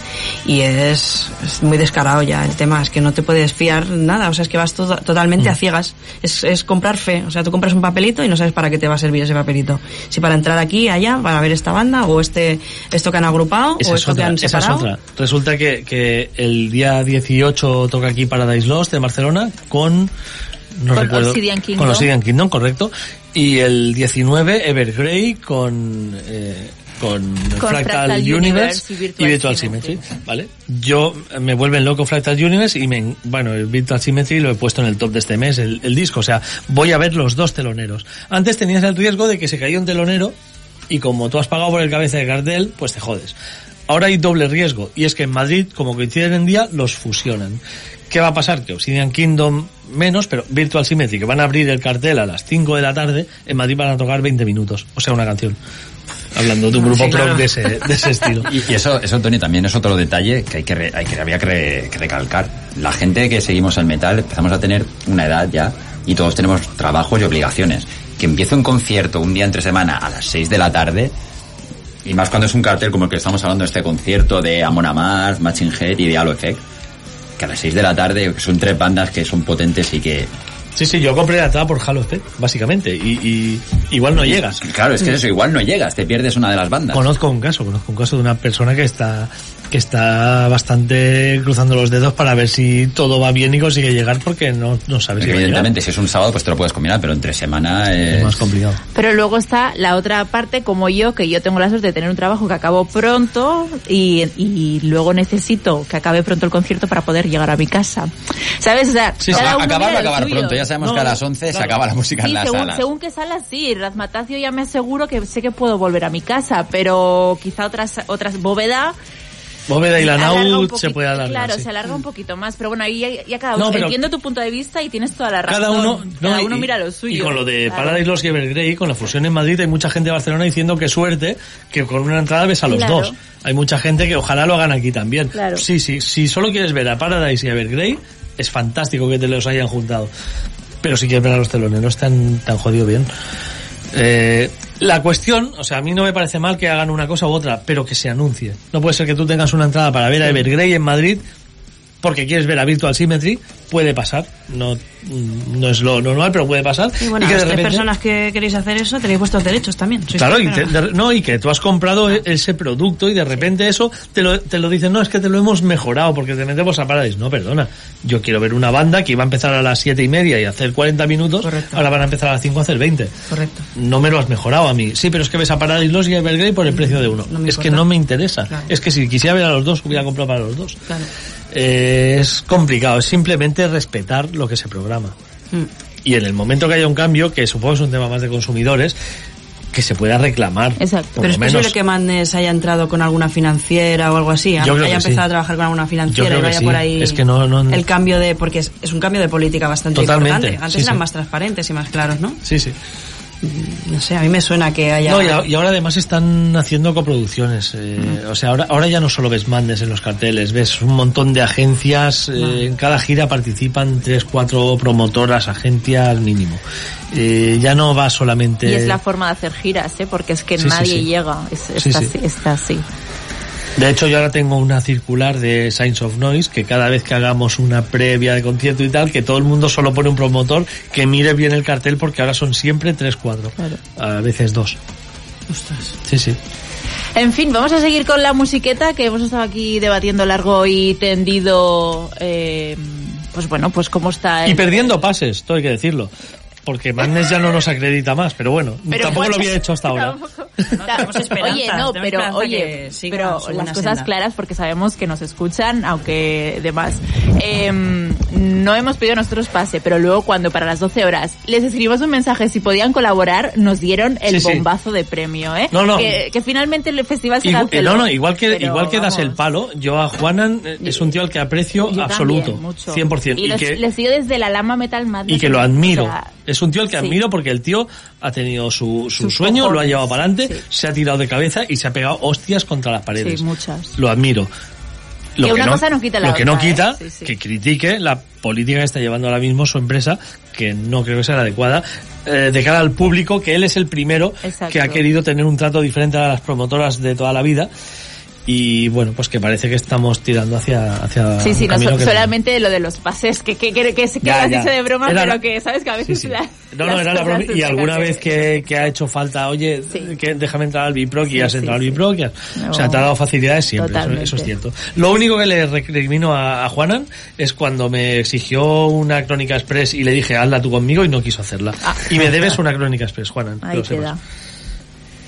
Pues ahora sí, musiquilla, musiquilla. Ya está bien de debatir, hombre. Pues nada, me- Sí, sí. ¿Sí? Sí, sí, pues venga, vamos allá. Sí. Venga, va. Pues el, voy a ser sincero, el radar de novedades de Spotify esta semana me ha dado algo que no conocía, o Una sea, inteligencia artificial. exacto, o sea, una inteligencia artificial, una AI, Y eh, es, es- asombroso porque normalmente la música siempre nos llega o a través de algún conocido dice, oye, escúchate esto, o lo que sea, pero con las nuevas tecnologías pues te llevas unas sorpresas ¿Quién más alucinantes. conocido que tu algoritmo personal? Exacto, y además te conoce hasta cuando vas al baño. Ya que estás escuchas. cagando, te gustará escuchar esta banda. Exacto, y Sí, compra sí. por favor esto también. Eso es lo que he notado con lo del algoritmo, que antes cuando la gente me recomendaba discos, ¿no? Era mm, más que nada por mis gustos, mi perfil y tal. Pero el algoritmo me hace, me ha añadido una variable que es el país. Y él tiene la culpa de que yo ponga tantos grupos suecos. Porque ha metido la variable país y empieza, me, me taladran. Y cuando empiezo a escuchar, yo qué sé, grupos de Finlandia, me empiezan a llegar más grupos de Finlandia. Y digo, pero ¿en qué momento tú has decidido que la variable país tenía que ser pues es así. La inteligencia a ti te funciona. Eh, no, bueno, más que me funciona, de una lista de 20 propuestas, hay alguna siempre que dices, hostia, pues mira, esto sí, ¿no? Pues este es el caso, ¿no? O sea, me puso un tema, me quedé, hombre, ¿esto qué es? ¿No? Y empecé a rascar, ¿no? Lo primero que vi, que la banda se llama Wine from Tears. Wine from Tears es una banda de Rusia, ¿vale? Que eh, antes se llamaban Thigh Serpent. Ah, no, se llaman así por una canción, por una canción de la banda Thigh Serpent, ¿vale? Y eh, bueno, hacen un, lo que yo cara- llamo un doom así muy edulcorado, que a lo mejor hasta el sector pastel pueda apreciarlo, no lo sé. ver, a ver. Veremos, así que vamos allá. veremos.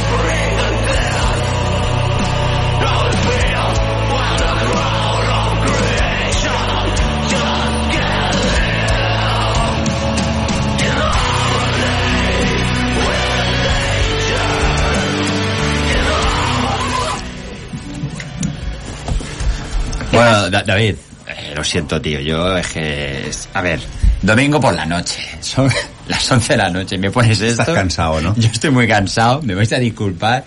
Vosotros, compañeros, me vais a disculpar a la audiencia, pero después de esto yo me voy a planchar la oreja. Bueno, pues- así, así de claro lo digo. No, no mientas, Alfonso, si te hemos visto roncar y todo, si ya lo está planchando.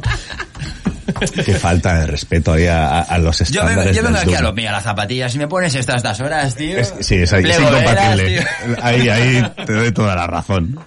Así que me vas a permitir que me despida de vosotros hasta la semana que viene Muy bien. y poner un poco más de caña, que aquí la gente se nos va a quedar dormida, ¿eh? Incompatibilidad detectada por el algoritmo de. y eso eh, conlleva expulsión entonces. Conlleva expulsión, totalmente. Pues nada, David expulsado también. Bueno, pues ha, ha sido un placer venir aquí con vosotros. Eh, me doy por aludido, así que me marcho. Pero la culpa no es tuya, es del algoritmo, no te preocupes. No, el algoritmo no, esto me ha gustado, lo he puesto yo, me ha puesto el algoritmo. Eh, Y Lester ahí en el canal me está apoyando, hombre. Claro que sí. Claro que sí. Luego Los- a los billetes, les. Los dos oyentes de la banda este mes ya sabéis quiénes son. Venga, va, que os voy a animar un poquito a la jugada, que os he dicho que traía heavy metal ochentero, pero con sonido actual y lo voy a poner. Porque yo creo, creo que os van a gustar, no sé, que, que ahora me vais a decir que vaya porquería. Es una promo que nos ha llegado. Nunca, nosotros nunca haríamos Eh, eso, no, ni poco, menos mal. En- en abierto. en abierto, claro. Mira mi espalda llena de puñales. Pues eh, Pero, es pero recomendado- una cosa, Dime. te vas también, ¿no?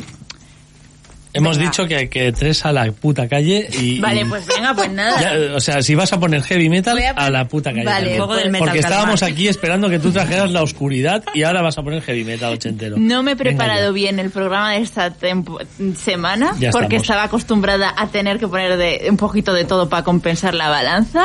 Pues ya de cara a la siguiente voy a preparar oscuridad pura y dura. Ya estamos. ¿Vale? Pero hoy os dejo con un poco de luz, un poquito, porque creo que pueden interesar. Dicen que son para fans de Maiden, Judas, Halloween y Saxon. Bueno, Hostia, o sea, amplio, ¿no? Amplio el cone- Muy el amplio esto. Eh, Sí que es cierto que es lo que os decía. Es, es son heavy metal, súper clásico, pero con un toque moderno. Ellos se, se vienen desde Vancouver, que Vancouver siempre y Canadá es un país donde hay muy buen metal en todos los, los estilos. Y osos. Y, y osos. y osos también. Grizzlies, concretamente. ¿Vale? Sí, sí. sí. Ellos se llaman Iron Kingdom. Y me despido. For the king and the glory. Perdona, generador al- aleatorio de nombres Iron Kingdom. Toma, mis- como estos. ¿Sabes el meme ese de tu, tu, le- tu inicial? Sí, sí. Pues lo han Pues hecho le ha salido hecho, Iron hecho. Kingdom y han dicho perfecto. Y alguien ha pensado perfecto. ¡Cojonudo! Eso es. El Tony, el tuyo era Dying Dying, ¿no? ¿En la otra Dying, semana? dying. Dying Sí, Dying. muy doom. Pues estos tres metalheads y esta, y esta eh, guitarrista que es, bueno, la vais a escuchar, lo hace bastante bien, con Into the Grip of Nightmares es el single adelanto de su nuevo lanzamiento que verá la luz en noviembre. Os dejo con estos Iron Kingdom puro heavy metal clásico aquí en el octavo día.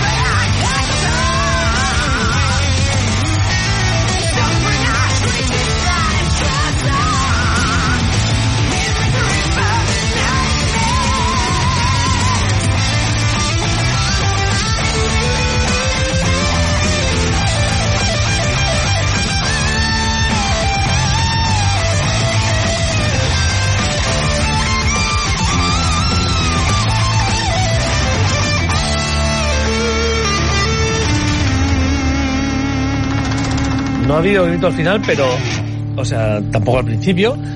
Eh, Pero lo ha habido al medio, nos, muchos. nos ha gustado muchos. bastante los Magic Dragon. Los Thunderhammer han estado Eh, muy bien. For the King and the Glory. Yo tengo la espada ya. Iron aquí. Kingdom.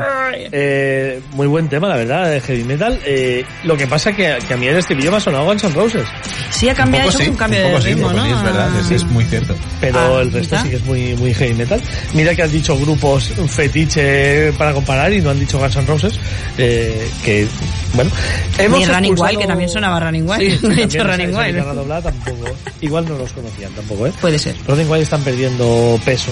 Eh, No los miembros, la banda, quieres decir. la banda como, como mito, como banda Sí. mítica que lo fue durante mucho tiempo una banda referente y, y ahora ya no la, no la nombran Pero tanta gente. allá en de Europa también, Tony, esta es una duda que siempre he no, tenido. Allende Europa no, metal Allende europeo, Europa no. pero como metal europeo te sonaban siempre unos Running Wild, siempre era un referente del heavy metal europeo Hmm. y creo que se diluyeron.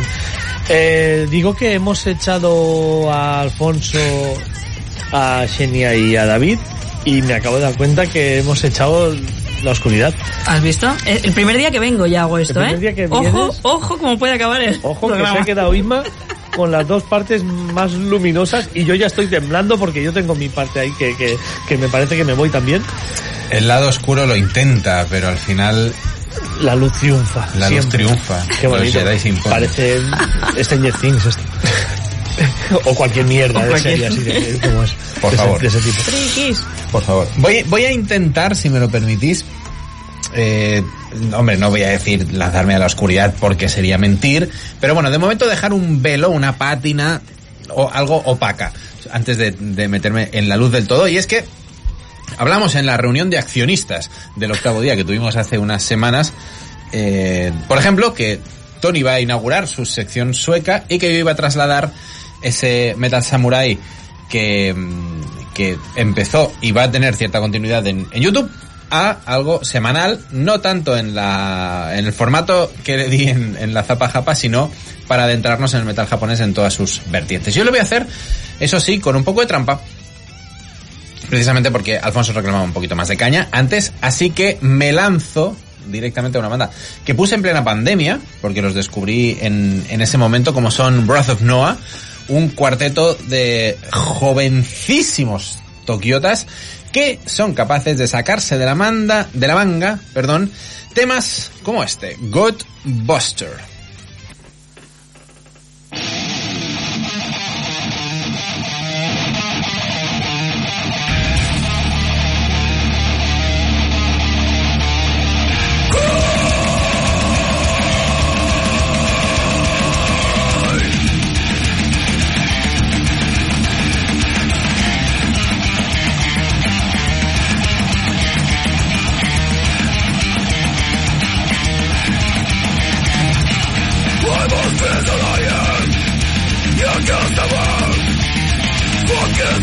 you must find me, you'll be my pain.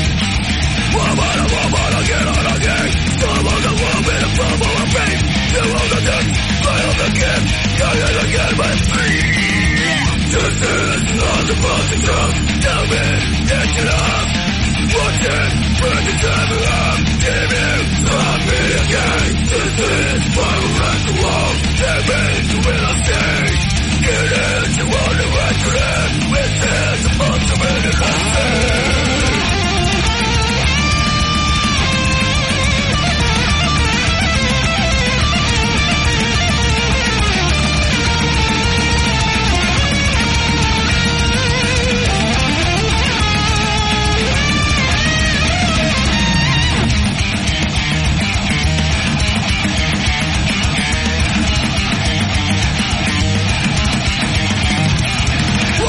is an iron.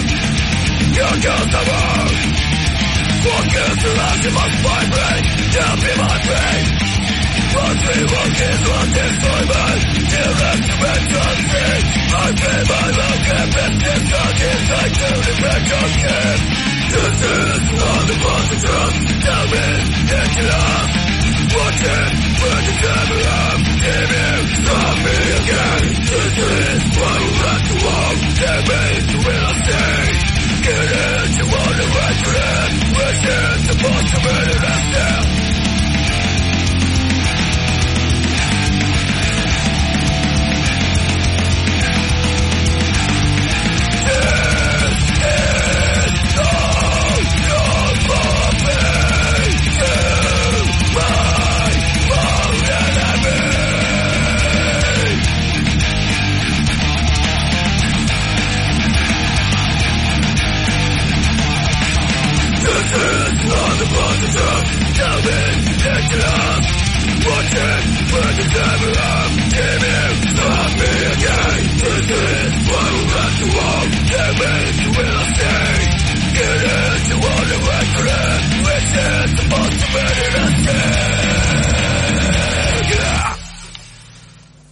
Nobody expects the Spanish Inquisition, que decían los Monty Python. Nadie se esperaba esto esta noche. Viniendo a Japón. Wrath of Noah, estos eh, cuatro chavalines, me vais a perdonar el tópico, pero con cara de no haber salido de su habitación en muchísimos años, se marcan un disco fantástico y además al uso. Son siete temas para 27 minutos. Wrath of Noah, con portada también al uso. Cuando hablan de Noah, hablan de Noé de verdad. Tenemos ahí en la portada el arca y todo, ante un mar enfurecido, de verdad. Si os gusta este tipo de sonidos, si os gusta este tipo de thrash, asomaos, porque Japón viene pegando fuerte con una generación joven, con muchas ganas también de explorar más allá del virtuosismo, del visual kei, del neoclásico, del power metal, y están saliendo joyas como esta, como decía, su álbum debut, llamado igual que la banda, apareció en, en plena pandemia, en noviembre del 2020. Yo estoy enamorado desde entonces de estos chavales y les voy a seguir sin duda la pista muy de cerca, porque es, es un trabajo debut que, que me alucina. Está claro que Alfonso se ha ido, pero se ha dejado la esencia aquí. Ha salido tan rápido corriendo que... Tal cual. La, la he esencia. recogido, la hemos mezclado y se la eh, devolvemos. El antes, el antes se mencionaba la opresión como influencia o como, bueno, eh, sí, de dónde venían algunos de los sonidos que, que habíamos escuchado en la banda que ha presentado. Y yo aquí escucho también una banda de la época noventera de Santa, de San Andrés de la Barca, creo que eran, Carne de Cerdo. Me han sonado a carne de cerdo. Pues ni idea. Ahí Pues no llego, ahí se, no come, llego. se come bastante en Japón, así que igual Eh, es... no, carne de cerdo con K con Z, bandaza Qué de, maravilla. de grindcore, thrash grindcore, Qué thrash maravilla. grind, y me ha recordado a, eso, me ha algún, alguna demo que tenía por ahí de carne de cerdo, me Qué ha recordado bueno. bastante a eso. No habla muy bien de estos japoneses, pero tampoco mal, no sé, o sea, Ah, eh, bien, hombre. respetos al máximo, ya está. Ah, Además has dicho que tenían pocos trabajos, ¿no? Quiero Es decir. el primero. Claro, es el primer disco, están ahí explorando. Ah, Es el Está primero, es bien, el tienen que asentar el estilo todavía. Correcto. Ah, muy bien. Suena bien, muy, muy afín. Le seguiremos la pista, que es lo que se dice siempre, nunca más vuelves a saber de ellos. Absolutamente de acuerdo. O sea, si me dieran un euro cada vez que he dicho eso de, un di- de una gente que no ha vuelto a saber nada, Bueno, cielos. luego lo recuperas 30 años más tarde, ¿no? Y dices, fantástico. ah, Me escuché hace, a este verano, no sé por qué un día, sí, porque no tenía conexión, creo, y tenía por ahí un programa de 2013 o dos, no sé, y dije, hostia, voy a escucharlo. Y pusimos cosas que dije, ¿qué coño es esto? Y hablando con, vamos, con una sabiduría y, bueno, su grupo, ¿qué tal? ¿Qué coño es esto y por qué no he vuelto a escucharlo nunca más? Eso salió, uno de los oyentes lo puso en el chat, que había empezado a escuchar el ¿Ah, sí? octavo día y Sí. se había ido a los antiguos y le diste tu, su ¿Pepe? tus bendiciones o algo, Pepe. dijiste. pues, que fue Pepe, sí. Espero que te vaya bien. que no sufras mucho. Así es. Inma, eh, sácanos de aquí, por favor. Eh, os saco, os saco. Eh, me voy a ir a un hard rock, muy hard rock, ya aviso. Oh. Eh, café para los cafeteros. Em, vosotros, bueno, ya creo que sabéis eh, mucho de mí en el, en el programa y me gusta mucho Thin Lizzy. Y de Thin Lizzy, pues lo que se ha quedado ahora en la formación eh, es una parte, digamos, eh, representativa, pero eh, el guitarrista que a mí más me gustaba, que era Steve Gorham, lleva unos años con otro proyecto que se llama Black Star Riders.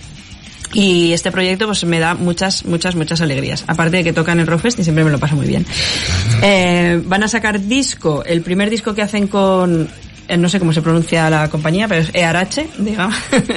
no sé si se... Earache. eh, Earache. Bueno, aquí es dicho Arache. earache, ¿no? El dolor de oídos. ¿no? Earache. Am, pero vamos, eh, el single ya salió en junio, pero me gusta mucho, me, gusta que sigue... A ver, aquí realmente quien está remando es el cantante, es el que está remando para que siga sonando a Thin Lizzy, porque a él le viene bien, su otro grupo que era Al, Almighty, Alchemy, ahora no me acuerdo, no le acaba de funcionar y con estos lo peta y, y Gorham pues se pasa por allí, se pega dos solos, compone dos canciones y la verdad que le quedan estupendas. Entonces nada, os quiero pinchar el single que salió este verano de Black Star Riders, Better Than Saturday Night.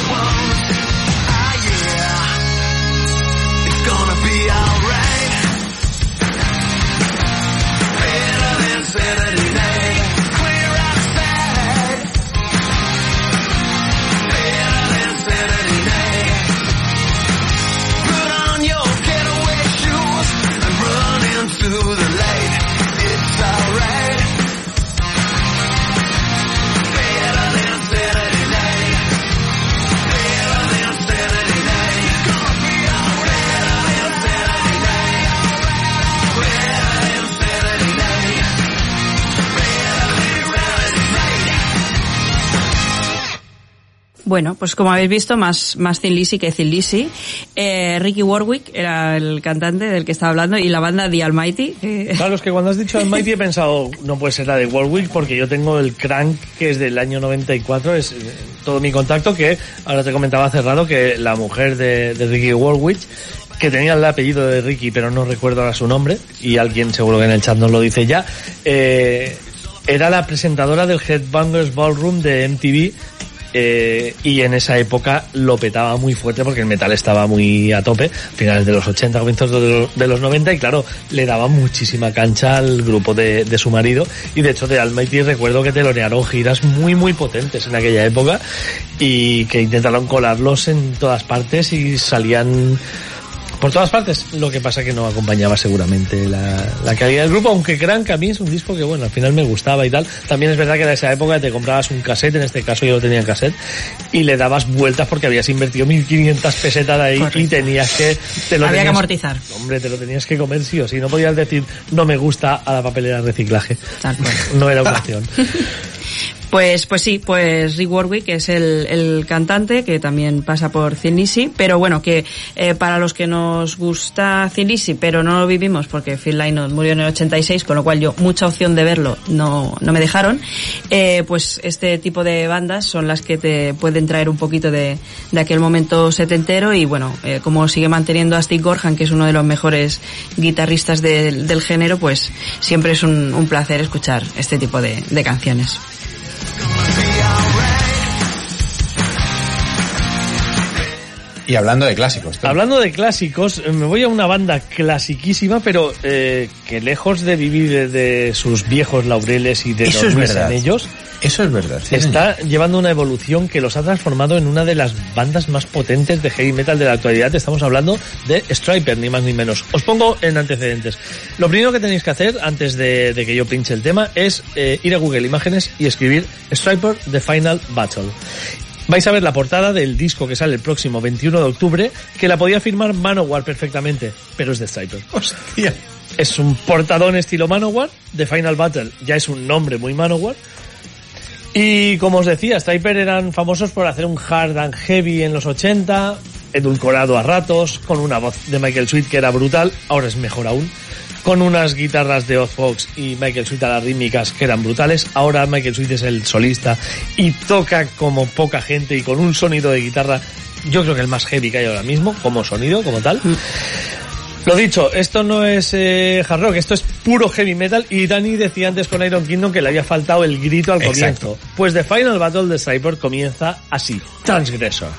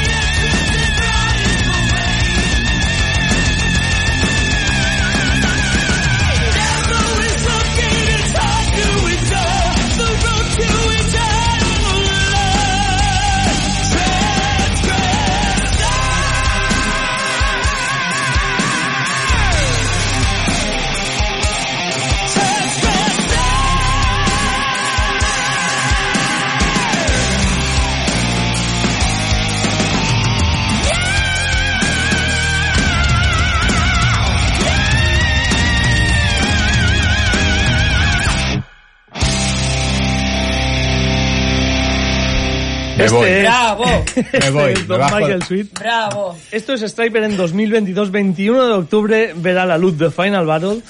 Me río yo de los que dicen que en un cartel con Judas y Behemoth y eso no pintan Striper porque si hay un grupo de heavy metal ahora mismo es esto. Este transgresor es que así comienza el disco. Final Battle, tú pones el disco, play y suena esto. Es que es... Bravo. Yo creo que Michael Sweet al final va a conseguir que todos digamos amén, tío. O sea, después de tantos Totalmente. años lo va a conseguir ahora. O sea, una sobrada magistral y además es lo que decíamos, un tío que ha perfeccionado tantísimo su técnica con la guitarra, que ahora es el guitarra solista y hace unos solos magníficos.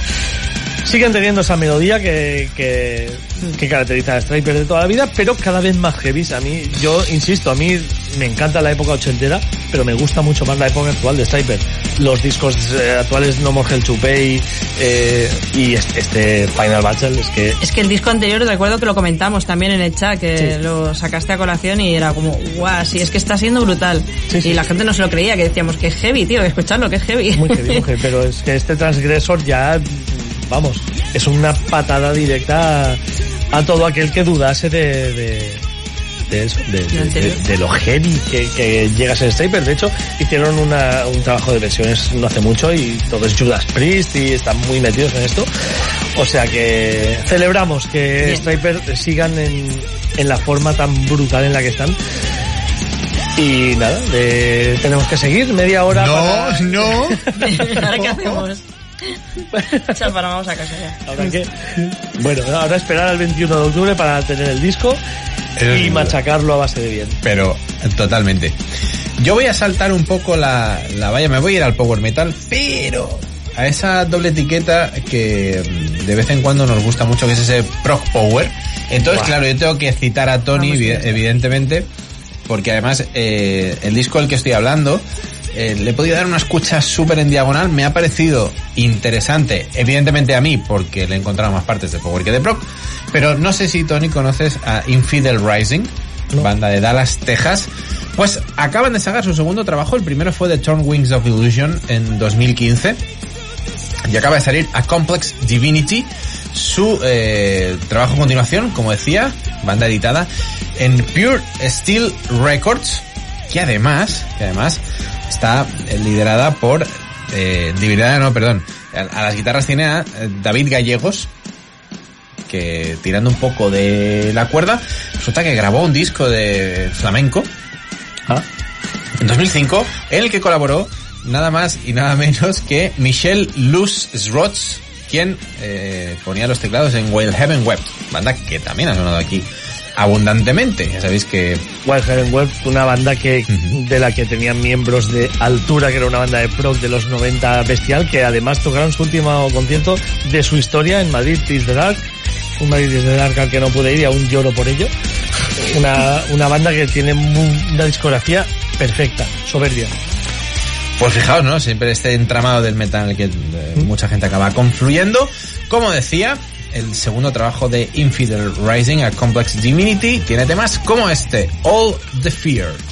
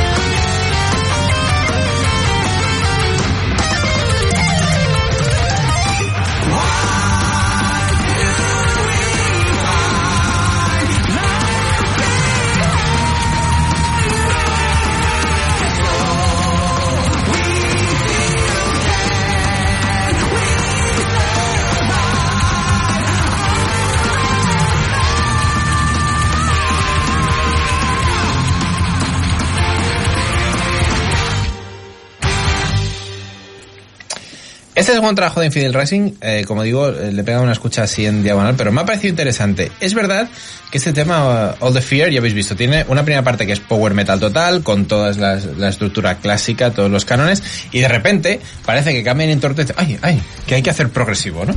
Y meten ahí un interludio que no, no acaba de cuajar. Es cierto que el, el conjunto está bastante bien, y es cierto que me lo he traído a mi terreno porque este es el tema más power Ah, del, disco, el más cortito, de hecho, está mm, plagado de temas de 7,5, 6,50, 7,18, etcétera, etcétera. También hay que decir que no, por eh, durar más, la cosa es mejor, pero eh, dadle una, escuchadle una oportunidad a estos Infidel Rising, que creo que se la merecen. Nuevo disco, A Complex Divinity. Yo se la doy, sin duda alguna. Eh, tiene el ingrediente como para que entre. Luego ya veremos si salgo, salgo buen. Eh, ¿Sabéis el, el gif este del niño que llega, da la vuelta y se va? Podría Exacto, pasar, podría exacto. suceder.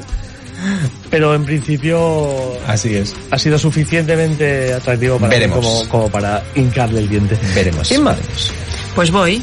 Eh, pues me voy a saltar hoy mis propias normas porque no voy a pinchar un grupo sueco ni voy a pinchar de Frontiers. Así Madre que, mía, pero mal. va a ser AOR pastelito de, bueno, increíble. No lo, no lo Eh, estáis viendo en casa, pero Irma tiene una tabla de Excel que es mejor que la mía de, de mi contabilidad. O sea, bestial. Exagerado. Claro que la mía de mi contabilidad es una servilleta. Pero, Pero- eh, muy bien.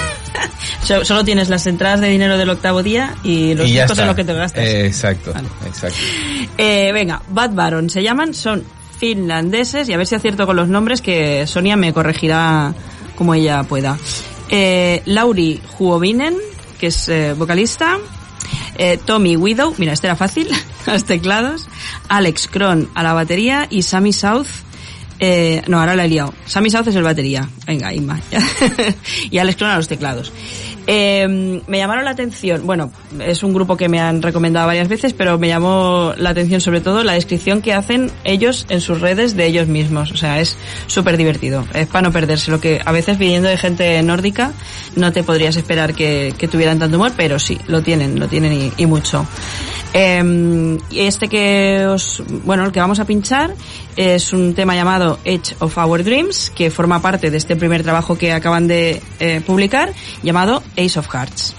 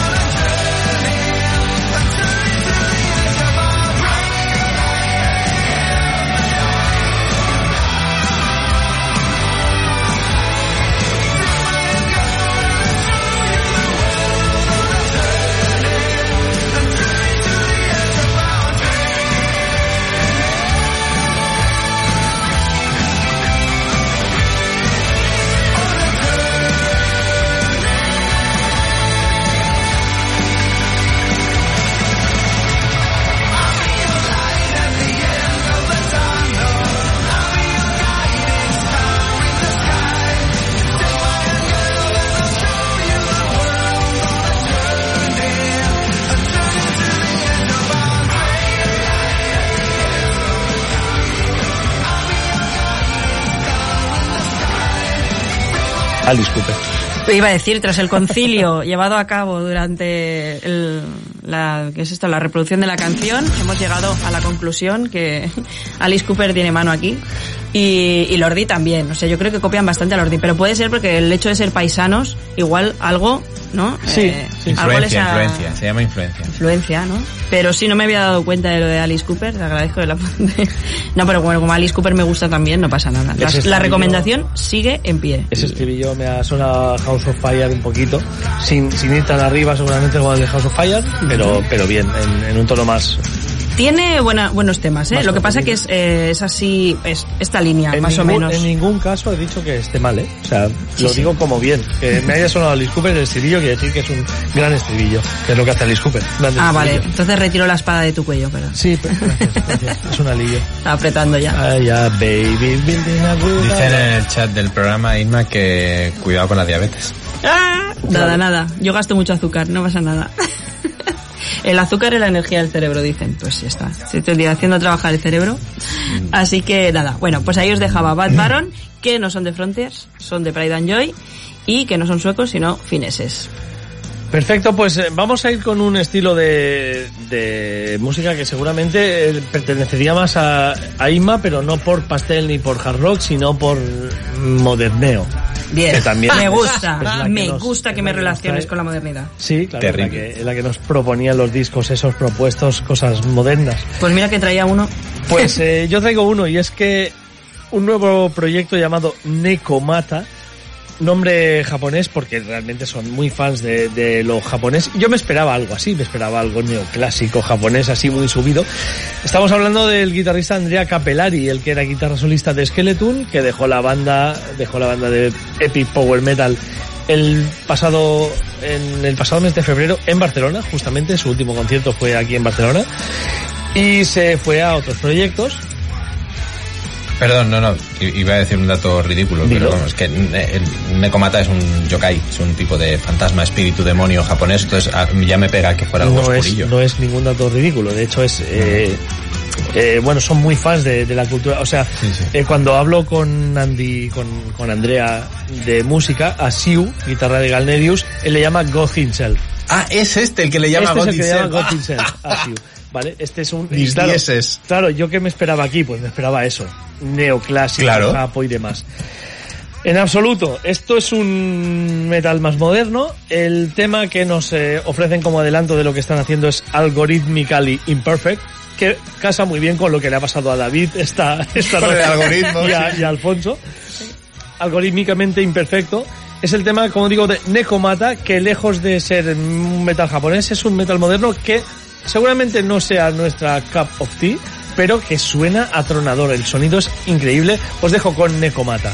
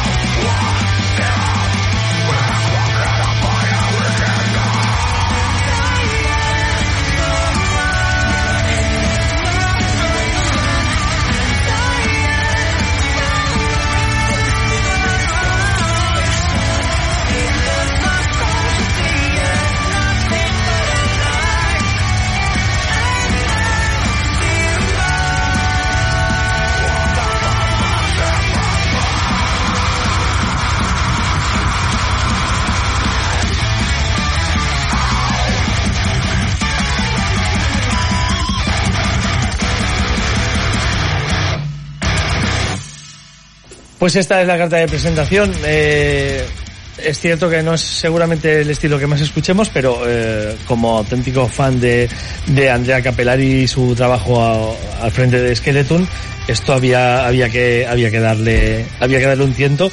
Y es cierto que, que bueno, seguramente cuando ves el nombre Necomata, eh, te esperas pues es un proyecto orientado a otro tipo de sonidos y es cierto como nos comentaban también por el chat pues que quizá hay momentos eh, un tanto absurdos o incluso yo creo que el tratamiento de las voces no está no no lo acaban de hacer bien Eh, me parece que las voces limpias no entran donde tenían que entrar y que son demasiado te sacan demasiado del contexto de, de la canción Eh, Yo lo veo muy alineado con lo que se suele ver. ¿sí? en- bueno es que seguramente nuestro problema es que somos mayores Qué bobo es. es así No, que no te escuchas esta música y ya está. eh, por la Sí, razón que sea. sí, seguramente- X. Por el motivo que sea, exacto. Por que lo que sea. sea. Nosotros estamos acostumbrados No seguramente a otro tratamiento de voces cuando alternas eh, limpias con guturales y, y esta limpia en concreto no estamos tan acostumbrados, tan avezados a, a ella.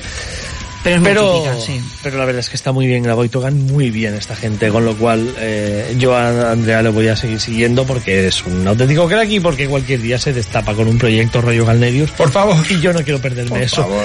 Necomata con este su primer eh, aproximamiento algorithmically imperfect. Pues ahora voy a saltar yo. Vas a cerrar, tren. vas Sí. a cerrar. Has abierto temporada con hit y vas a cerrar el primer programa Sí. con qué?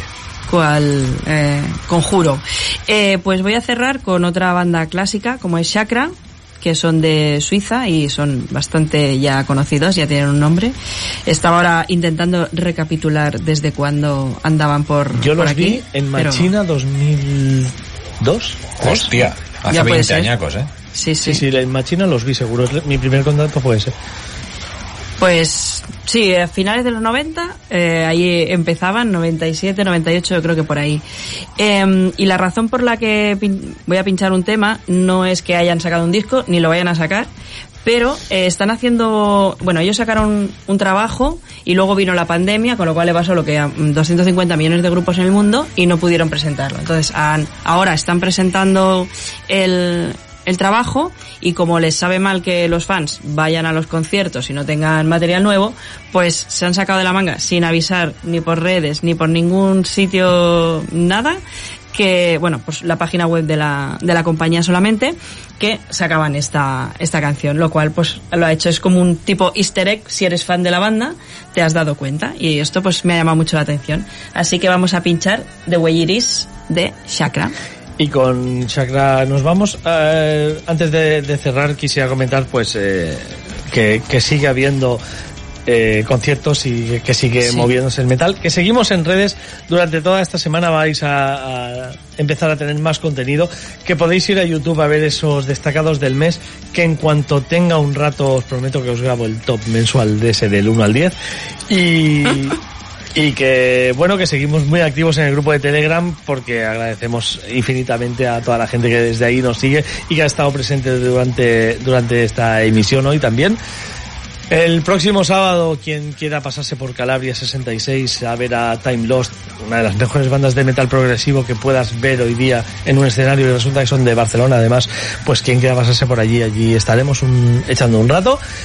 Y- Yo el viernes, mm, si me queréis ver, irse, no, eh, The Grassland Sinners, que es grupo así, rollo Los Black Crowes, eh, han sacado un disco que han eh, autoproducido a base de eh, estas colectas que se hacen online, Kickstarter, y bueno, y lo presentan el sábado, el viernes, perdón. ¿Dónde? Pues en la Wolf. En la Wolf. Pues eh, tenemos un fin de repartidito.